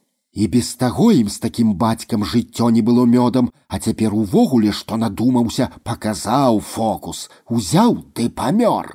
Малыя люба з васільком сумленна капіравалі дарослых, кампотам у чарачках не стукаліся, лобікі наморшчылі, у руках насовачкі, на каленях ручнічок. Толькі раз усчалася ў тым кутку валтузня і пачуўся шэпат любкі на ўсю хату. Не чапай, мой бацька памёр, а не твой. Спачатку крыху сароміліся чужога чалавека за сталом, але гэты гарадскі сваяк, гэты вучоны ці настаўнік вёў сябе як мыш, не піў, мала еў, нешта яму муліла. Хаваў пад скацерку абрус руки, а жонка яго неяк умольна, разгублена глядзела на землякоў нібы напярод просячы за нешта прабачэння. Цярпеў ён цярпеў і ўсё ж не вытрымаў. Хутка кульнуў 50 грам, потым, не закусваючы, запар адну за адной яшчэ тры разы па 50. Рашуча адвёў жончыну руку з катлецінай на відэльцы, падняўся, звонка пастукаў чаркая пляшку, патрабуючы цішыні і павёў такую гутарку. Я объездил всю Беларусь и мушу признаться, что такой дичи, як у вас нигде больше не убачишь, богатейшую историю, традиции, звычки вы умудрились опустить до примитиву. У Маларыцкім районе, мяжа з Украінай, дед паўзе ракам, а ўсё адно па-украінску, добрага ранку. А у вас Ці чулі вы пра такую традыцыю, як галашэнні? Мужчыны не галосяць ніколі. Ён пачаў загінаць пальцы. Плач бабулі больш важны, чым маладой жанчыны, а галашэнне дачкі па бацьку больш важнае, чым жонкі па мужу. З могілак вяртаюцца, трэба тры разы печ пагладзіць і сказаць: Хай паміраюць прусакі, а не людзі, А вы руки спаласнулі і ўсё, хутчэй за стол. Бедная жонка, чырвоная ад сораму, шморгала, цягнула яго за крысо, але лектар толькі ўваходзіў у ролю, паставіў чарку і загінаў пальцы ўжо на другой руцэ. Тры стравы, куця, кісель застудзена. За жалобным сталом усе павінны быць сумнымі, ніякіх абгавораў, жартаў, а вы тост. Паглядзеў асуджальна на Грыгора.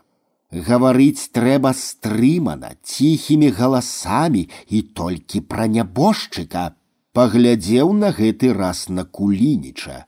А не пра тых, з кім ён працаваў, не пра вянкі. Ад прадзедаў спакон вякоў нам засталася спадчына. Каму гэта было сказано?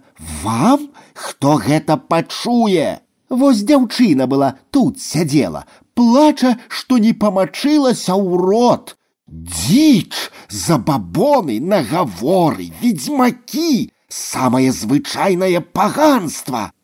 Усе і раней адчувалі, што нешта не тое, а тут проста пакрыўдзіліся. Слова паганы ведалі ўсе, які б не быў вучоны, а абзывацца за сталом, гэта ж не вяселле.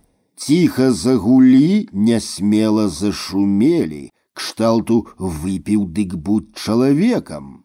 Вопытны грыша давно не еў, слухаў насцярожана. Асабліва яго зачапілі словы пра ведзьмакоў. Ён зразумеў гэта як намёк на яго бацьку. Ніхто да гэтага часу не меў права ўсумніцца ў тым, што ігнат на самой справе быў чалавекам незвычайным. Аўрох!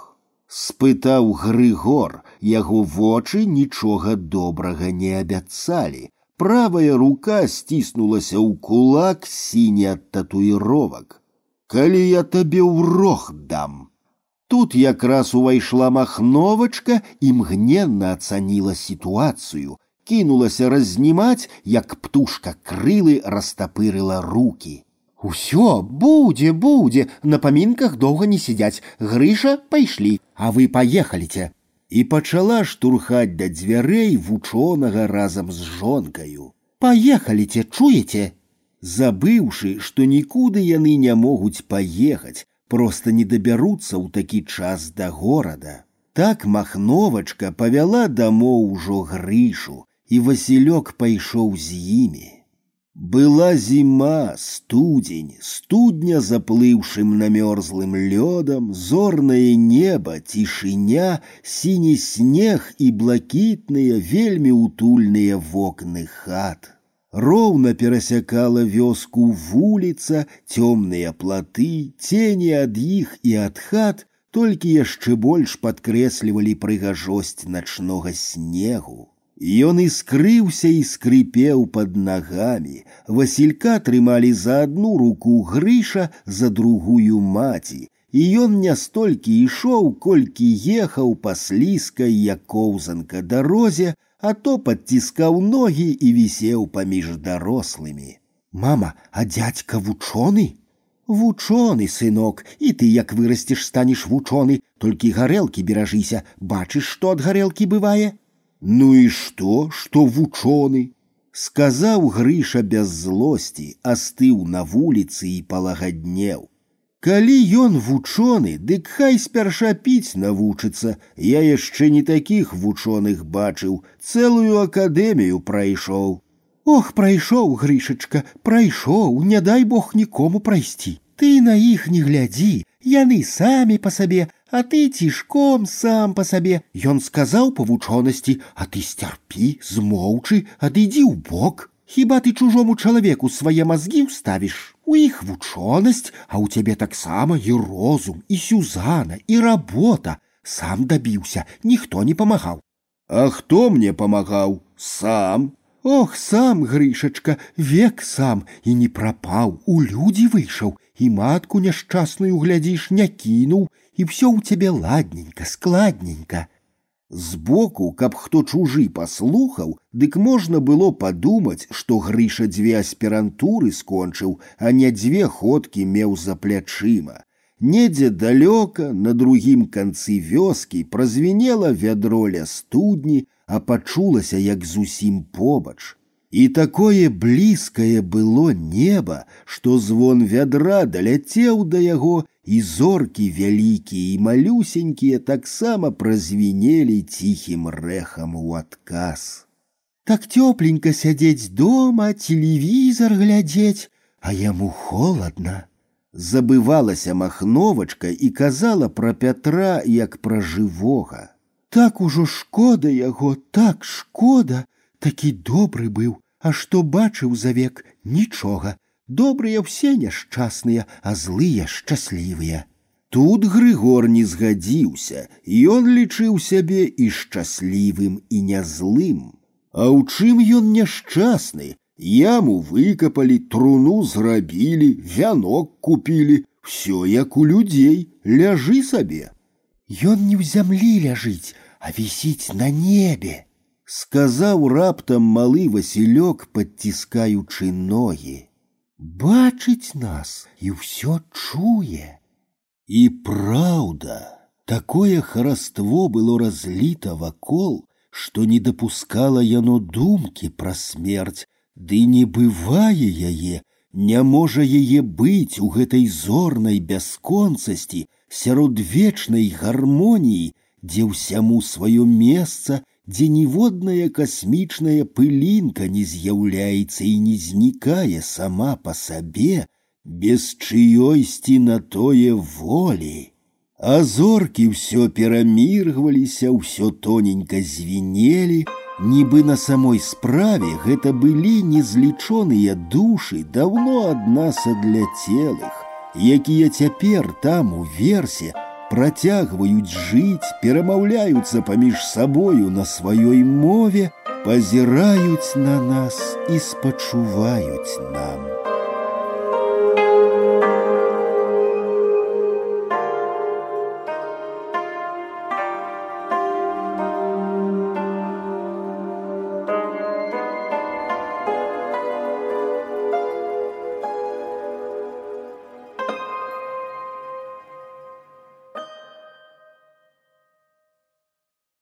Кнігі без літар.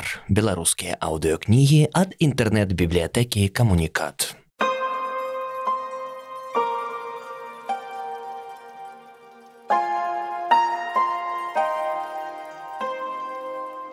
Андрей Федоренко «Дикий лух», раздел девятый.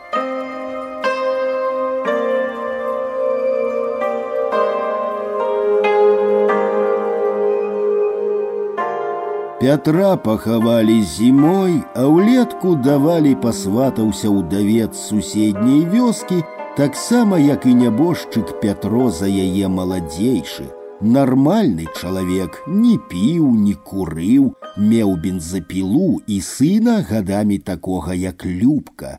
Валя пайшла за яго. Ён прадаў сваю хату, перабраўся да яе, і яны пачалі жыць як так і трэба.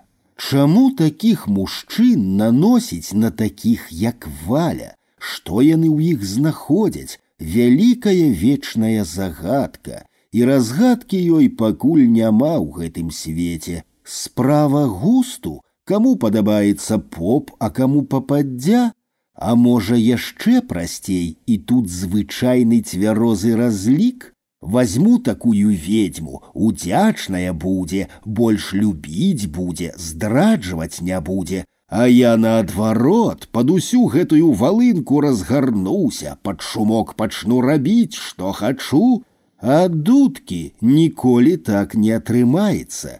І хіба пад старасць, калі ўжо ўласна кажучы позна, спахопіцца такі мудрэц, дык што ж гэта атрымалася? Не я яе, а яна мяне пад сябе падмяла, не я на ёй, а яна на мне ўсё жыццё праездзіла. У канцы лагоднага ціхага жніўня, калі ляталі сярэбраныя ніці з чорнымі павучкамі на іх, калі нагнулася ад цяжкіх гронак, а под вокнамі ўздоўж сцяны кіпелі ў самай кветені геаргіны, вяргіні, мальвы і выкідвалі свае высокія стрэлкі, школьныя кветкі, гладыёлусы, увечары махновачка збірала сына ў першы клас. Васілёк быў рады, ён ужо умеў чытаць, пісаць і ведаў табліцу множання, Махновачка нават нагледзела і падвязала нітачкамі лепшыя кветкі, каб зрэзаць іх заўтра свежымі ў букет. На канапе ляжалі касцюмчык, кашулька, стаялі сандалі, усё новенькае. Кулініч спецыяльна вазіў сына ў горад на прымерку. На стале падручнікі, сшытачкі і ранец. Махновачка сабралася сына мыць выпаліла ў печы, наставіла чыгуноў, балею, начоўкі. Думкі раіліся, скакалі весела і бязладна. Яна ўяўляла, як яны будуць з бацькам правяраць дзённік яго, памагаць яму рабіць урокі, а то, як ён вырасце і ажэніцца, а яны з мужам будуць любавацца на іх маладых, і толькі шкада, што нельга ў царкве, бо самі яны з кулінічам распісаліся ў сельсавеце, так сабе не вельмі каб было ўрачыста. Яна наставіла чыгуноў, сын быў ужо голенькі, неяк адступіўся і сеў кіпецень. Пасля махновачка расказала, што ён не паспеў нават ускрыкнуць, але яна сама тады зараўла так нема, што ніводзін гук проста не быў бы пачуты. У сына задок і ўсё, што можна было зварана ў крутую да сіняй чарнаты. Ён сканаў, не даехаўшы да бальніцы. Кулініч сам зрабіў маленькую труну, вычасаў невысокі дубовы крыж. Пастаяў з сякерую ў руцэ, паблукаў позіркам па двары, Потым пайшоў і пад корань пачаў секчы каліну. Падалі на плот, разбіваліся, лопаліся чырвоныя буйныя ягады. Куст супраціўляўся смерці. Сякера саспружыніла на нечакана цвёрдым ствале, рука дрыгнула, і удар прыйшоўся па назе. Кулініч аберуч заціснуў рану і прамовіў: « Баліц! Вось так яно спрацавала гэтае подлае, бязлітаснае, жорсткае да агіды правіла, А не забывайся, хто ты ў гэтым свеце, не любі моцна, не прывязвайся да каго б не было, не прывыкай, будь заўсёды на пагатове, каб не заспела знянацку, умей абараняцца трымай пра запас усе варыянты аж да самага горшага. А забудзеш, расслабіся, захочаш пазіраць на гэты свет шырока раскрытымі васільковымі вачыма, Дык мы напомнім. Пераносілі гора кулінічы мужна, прынамсі знешне, толькі некаторыя новыя рысы ў іх паводзінах, характарах, звычках з'явіліся, і гэтае новае дзівіла. Напрыклад, махновацы ўвесь час трэба было, каб у яе былі занятыя руки. Даходзіла да таго, што ўсё адно не спала, палола ў ночы агарод, у цемры на вобмацак аддзяляючы бульбоўнік ад зелля. Чаго ты зноў ноччу на градах? злаваліся на яе. То я коціка шукала, коціку разору забег, мяўкае. Грэх так моцна перажываць, яшчэ бяду на вёску наклічаш.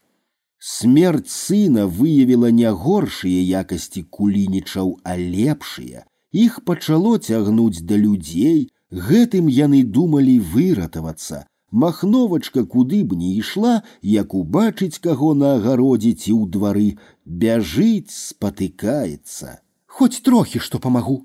Ідзі, гналі яе, не трэба тваёй работы.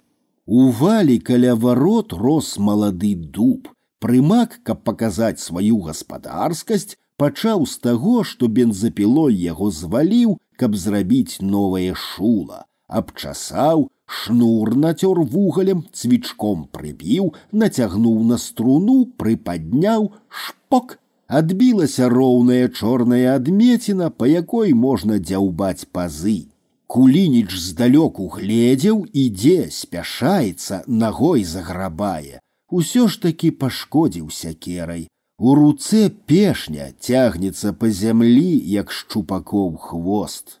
Куды ты ідзеш, куды? сярдзіта крычыць прымак. Чаго ты ідзеш, чаго? Памагаць! Яшчэ махновачка полюбіла хадзіць у госці. Кожны вечар брала гасцінец і ішла да каго-небудзь. Дык бачылі праз акно, што яна ідзе і ўцякалі або зачыняліся, затойваліся, нібыта няма дома. Пайшла чутка, што яна ходзіць красці, і неяк так атрымалася, што пачалі зваць яе ўжо не махновачка, а махноўка, і разам з гэтым ласкавым суфіксам сапраўды як бы выпала, знікла абаяльнасць, а засталося толькі нешта ад нелюдзімага непрыкаянага бацькі махно. Махноўка зразумела, што яе проста цураюцца, не хочуць, не любяць, калі прыйшла неяк давалі, прынесла жоўтых гарбузовых семак дзеўкам. Знаеш што?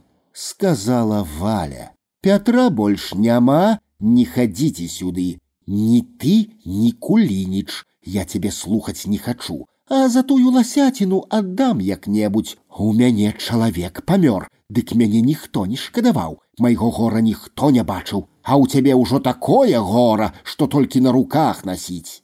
Аднойчы раніцай махноўка сабралася і пайшла пехам за дзесяць кіламетраў у горад у царкву. Што там было, што яна ў каго прасіла, невядома, але вярнулася яна і праўда змененая, як бы аддаленая ад людзей. Да яе душы цяпер дабрацца стала немагчыма ёй скажаш дождж ідзе, яна ў адказ хай ідзе, а вочы застылыя, нерухомыя. Селяцы ў магазин прывезлі, хай вязуць. Сюзана Грышава девочку нарадзіла, хай нараджае. Ды што ж гэта за мукі такія, ты ж яшчэ не старая, схадзіў паліклініцу, праверся, цяпер жа і ў пятьдесят нараджаюць, не тое, што ў сорок хай нараджаюць. Ці калі ўжо так несцярпіма, дык усынавіце, схадзі ў органы апёкі, раілі ёй. Хай усынаўляюць. Схадзі ты, я яшчэ цябе навучу у малітоўны дом. Папы не памаглі, дык мо баптысты памогуць. Хай памагаюць. Зварочвала яна набітую дарогу, голас сам па сабе, а думкі ў іншым месцы. Гэтымі паводзінамі, як ні дзіўна, пачала яна нагадваць Грыгора. Адна ведаю нешта такое, чыталася на ёй, чаго вы не ведаеце, Толькі ў Грыгора было гэта з выклікам, з гаганькамі, а ў яе з нейкім нядобрым самазаглыбленнем. А грыша, наваспечаны бацька, якому пачала ўжо надакучаць яго спаважнасць і ўсё часцей цягнула яго на халасцяцкія гулі, расказваў нам падлеткам, што абляпілі яго лаўку, слухалі яго, набіраючыся блатной мудрасці, Расказваў, як уночы прыбягала да іх махноўка, памешаная, сівая, страшная, пакацілася ў ногі, Грышачко, сыночак, аддайце мне девочку, вы сабе яшчэ народзіце. Мы рагочам.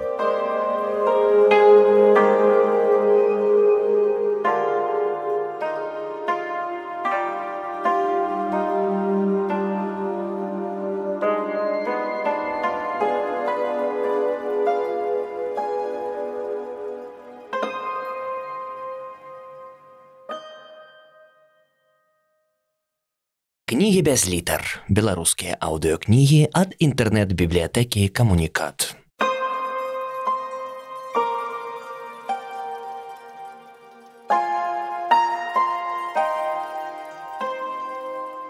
Андрей Федоренко «Дикий лух», раздел десятый.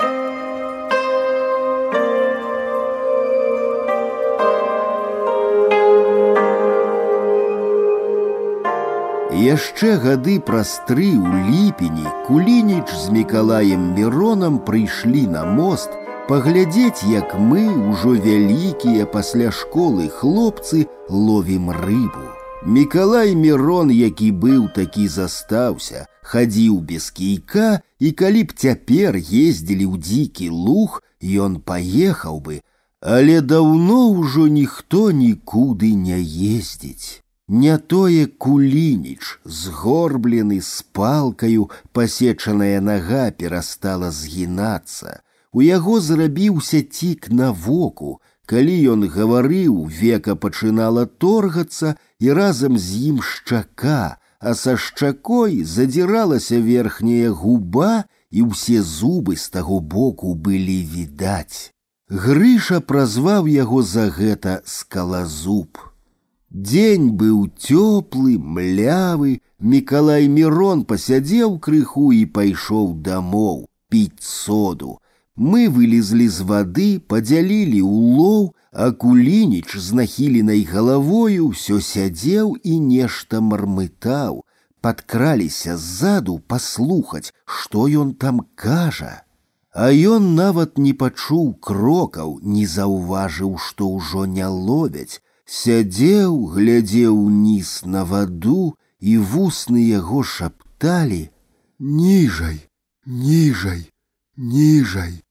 Відаць, думкамі ён быў далёка адсюль, недзе там, на дзікім лузе, у тых часах, калі ён быў яшчэ ніякі не скалазуб, а малады, дужы, радасны, удачлівы да таго, што нават рыбу мог злавіць, не замачыўшыся. Калі ўсё было так светла, шчасліва і верылася, што наперадзе будзе толькі лепш. А можа, ён хацеў сказаць, што ж гэта за такая штука жыццё, Як жа ж яно умее падманаваць, то ўзносячы чалавека высока, а затым непазбежна апускаючы ўсё ніжай, ніжай, ніжай.